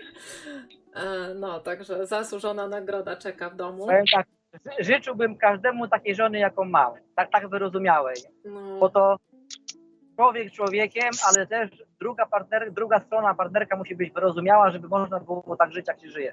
Hmm. Jeszcze ja? No tak, tak. Jesteście w tym e, całą rodziną, w tej twojej pracy. No jakby nie patrzeć tak, to taka no. prawda. E, no ale to też ma swoje plusy, tak samo właśnie jak u marynarza. Myślę, że taka rozłąka delikatna, to się trochę zatęskni. E, no, to też. O, no tęskni się to tak, to prawda. Bo no. człowiek cały czas tęskni, a czym bliżej domu, tym tęskni jeszcze bardziej. No tak. Grzesiek, co tam masz jeszcze zapytania do Gandalfa? Takie, takie lokalne troszkę. Koło mnie, koło mnie, koło miejsca skąd skąd pochodzę. Jest autostrada A4 koło Tarnowa, te klimaty. No i tam jest, są co chwilę wypadki i kiedy ja jadę z, lot, z lotniska, czy po prostu jadę do Krakowa sobie, czy do Rzeszowa, no to ja już, ja już się czuję dwie godziny wcześniej źle, bo, bo wiem, że będę się szarpał, męczył z tymi ludźmi i tu nie mam na myśli yy, kierowców, tylko po prostu duże yy, osobowe samochody. Zapieprzają po prostu strachliwie. Nie jeździłem dużo po Europie, prawie to nic. Tam przejeżdżałem przez Niemcy dwa, trzy razy, e, tam przez Holandię, czy, czy tam górą właśnie, ale jest inaczej. Na przykład w UK też jakoś dużo nie jeździłem, ale trochę pojeździłem, no i jednak e, zdarzyło mi się, że na taką samą trasę 100 km Tarnów-Rzeszów, no to ja muszę się szarpać, po prostu zmęczony jestem, a na taką samą trasę tutaj, no to mnie może ze dwa, trzy samochody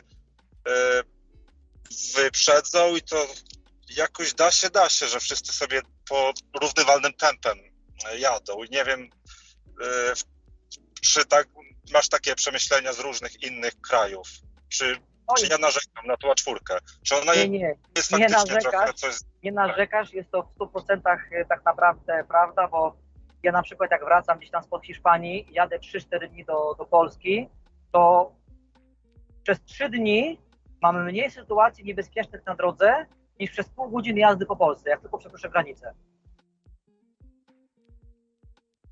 To jest takie właśnie jakaś dziwna zależność, że ci nasi Polacy to mają taką tą właśnie łańską fantazję za kółkiem i no lubią naprawdę odwalać dziwne manewry na drodze. Także to, to prawda. U nas się jeździ tak dość specyficznie i paradoksalnie to e, tutaj też trzeba patrzeć na kary, jakie są i mandaty, bo Polak na zachodzie jeździ dużo lepiej jak Polak w Polsce. No ale tak, to się to wiadomo, wyższe mandaty, tym się lepiej pilnujemy, nie? Teraz też dużo lepiej się pilnujemy. Ale, ale to szkoda, że to oddolnie nie wychodzi od kierowców, tylko odgórnie, że trzeba nas pałować, tak żebyśmy się domyślili jak jeździć. Bardzo to niefajnie jest Hmm. zrobione. No wiesz, słuchaj, jak ja na przykład e, jakoś w tamtym roku, teraz nie pamiętam kiedy to było, gdzieś koło chyba września, października, zapłaciłem e, mandat z Niemiec, gdzie na drodze takiej dwupasmowej, ale to była droga lokalna, jechałem 82 na godzinę na 60, Hmm. dostałem mandat 160 euro. To, to już boli po kieszeni. Ale i tak jeszcze taki nie aż taki wielki, nie? No ale Ale wiesz, wolę kupić za te pieniądze dzieciom Lego, nie wiem, Harry Potter, aniżeli No tak, dać, tak. To, dać to gdzieś tam ten, prawda? Pana No. sprawa. Mm. Okej, spoko, to ja, ja, to ja też jestem w pracy, także że yy, przełączam się na odsłuch. Fajnie było posłuchać, bardzo ciekawa audycja. I do, do usłyszenia, trzymajcie się. No fajnie, na razie trzymajcie. pa, pa. No to ja też może się e, odłączę, no bo tutaj pewnie powtarzam wszystko, co raczej było. E, No, ale, ale dzięki za, za fajną audycję, na pewno sobie odsłucham. No i ten. Do usłyszenia. No, do usłyszenia, do usłyszenia. Pa, pa. E, No i masz propozycję Gandalf. E, Gumball znaczy się od Gandalfa e, przejażdżki, także jak tu nie skorzystać. A tutaj to Misiu mi wysłał e, jakiś filmik o tym, jak wygląda kabina Tesli. A, zaraz wam tutaj spróbuję to rzucić. E, no tutaj Grzesiu to też chyba taka głównie praca za kółkiem, ale to jednak jest inna bajka jeździć sobie e, tutaj od drzwi do drzwi, od pizzerii e, po jednym tutaj znanym rewirze e, niż tak po całej Europie. To jest zupełnie co innego. No i śpisz codziennie u siebie, nie? No tak, jakby nie patrzeć, tak, to jest całkiem inna specyfika pracy. Mówię, kierowca, kierowca, wiadomo, wiadomo, że praca za kółkiem to jest męcząca, ale to jednak jest troszkę inny stopień zmęczenia. No, a, dokładnie. Tutaj poczekajcie, już wam tutaj a, spróbuję dostosować to, co mi wysłał do misiu. I nie wiem, pewnie czy to chodzi o to, że to jest ta autonomiczna Tesla, czy co to ma być? Ja pewnie chodzi o tą elektryczną, tą, tą ciężarówkę Nikola, A, okej, nazywa. okej. E, No dobra, to tutaj wam to już puszczam. To tutaj ten Elon Musk wymyślił. Nie wiem, czy ty już to widzisz. Ja chyba tego w ogóle nie widzę. E, to. Bo to pewnie z opóźnieniem ci się pokaże. Zresztą, ale ja w ogóle nie patrzę na YouTube'a, bo ja mam A. cały czas Skype'a włączonego. E, bo jakbym włączył sobie z YouTube'a na wyłączonym tym, tym dźwięku, to by mi telefon zmulił i byśmy nie pogadali. A nie, nie, to, to ty nie oglądaj, ty sobie najwyżej później to obejrzysz. E, Jak to powiedziałaś? Radio, teatr wyobrazi sobie, wyobrażę. Tak, tak. No tutaj ma dwa monitorki. Jeden mu pokazuje trasę. e, Drugie, druga to kamerka. Chyba nie wiem, z tyłu.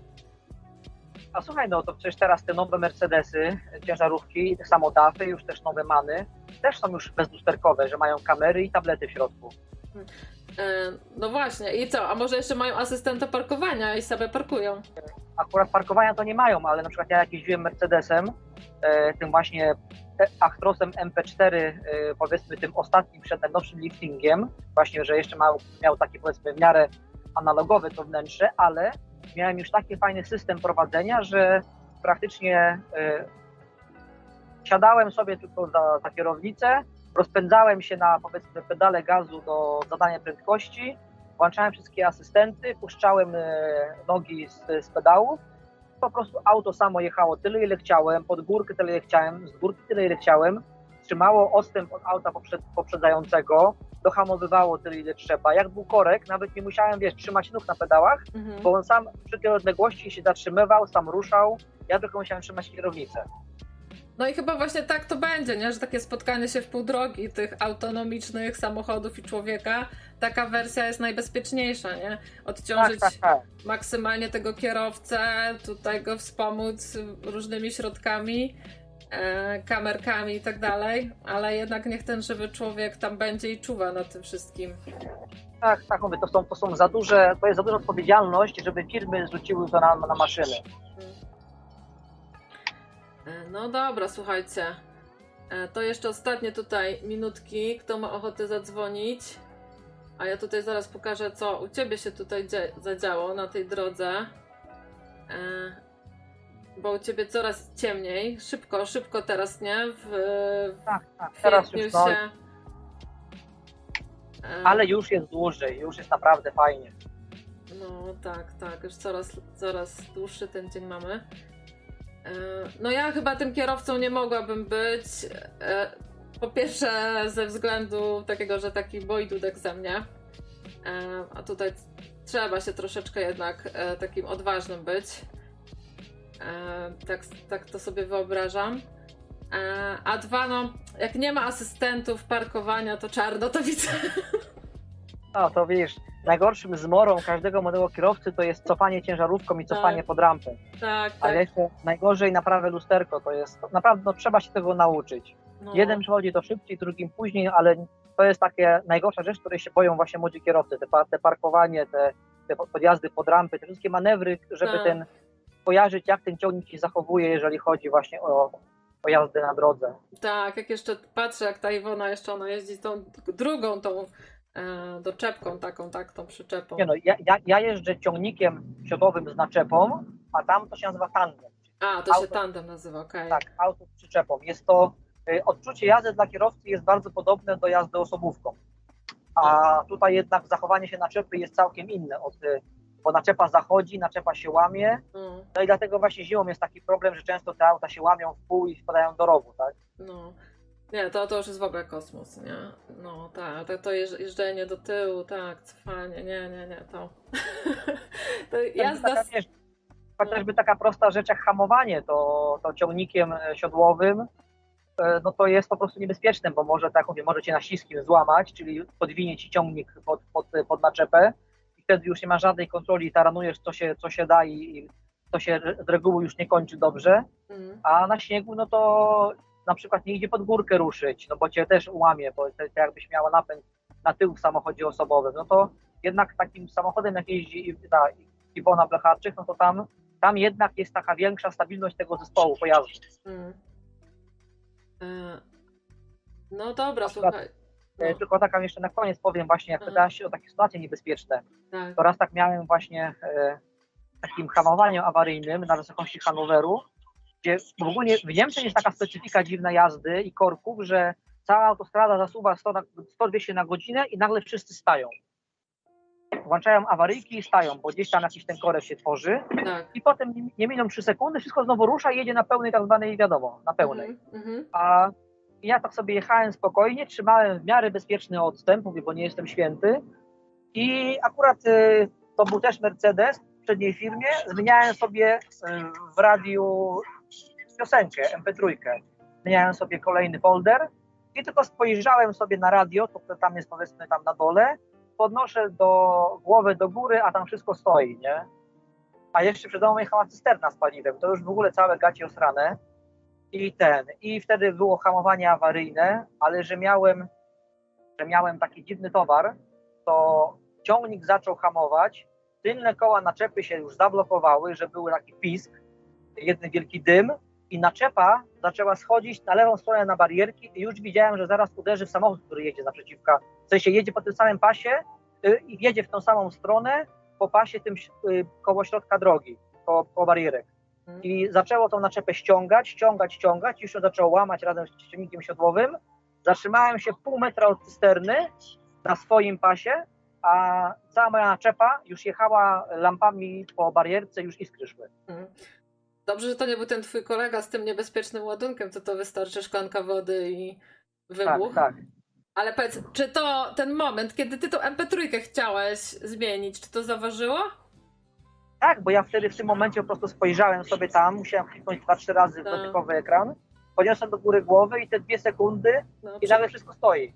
No, no tak to jest właśnie, że to, się, to nie są takie puste słowa, nie? Że po prostu jednak trzeba mieć cały czas oczy wpatrzone w tą drogę, bo to sekundy są w stanie zaważyć o takich wydarzeniach niebezpiecznych. Tak, tak, No. E, no właśnie, słuchaj, to życzymy Ci tutaj spokojnego tutaj dalszej trasy do domu. Ile Ci tam teraz pokazuje GPS, o której będziesz? Na bazę 22.40. No, to jeszcze dwie godzinki z hakiem e, i już będziesz w domu. Po- Potem, potem do samochodu swojego i jeszcze dwie godziny do domu. Jeszcze dwie godziny do domu? Tak, bo ja, ja mieszkam blisko granicy, koło Świebodzina, a bazę mam koło Poznania. O matko, czyli ty jak taka, to, to po północy, to to jak kopciuszek. O, tak.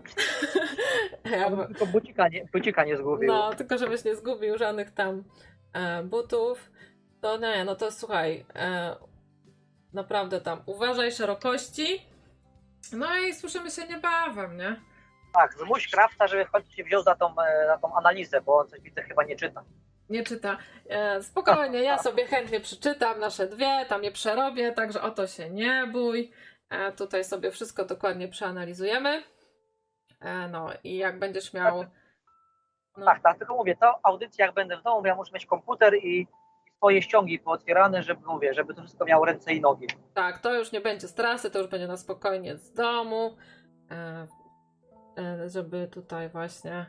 e, No, to, to wymaga trochę więcej skupienia i, no i tak jak mówisz, dostępu do jakichś tam stronek trochę, bo to jednak jest mm, du, du, duża, e, duży obszar, że tak powiem, ta. Także od razu Astrologia. chciałem po- powiedzieć, że jak ktoś słucha i będzie chciał chociaż tylko się dowiedzieć mniej więcej, jaki ma znak zodiaku słoneczny, księżycowy oraz ascendent i jaki może mieć to wpływ na jego życie, takie naprawdę informacje podstawowe, to niech przygotuje datę urodzenia, miejsce urodzenia, to bardzo ważne, godzinę urodzenia z dokładnością do 15 minut.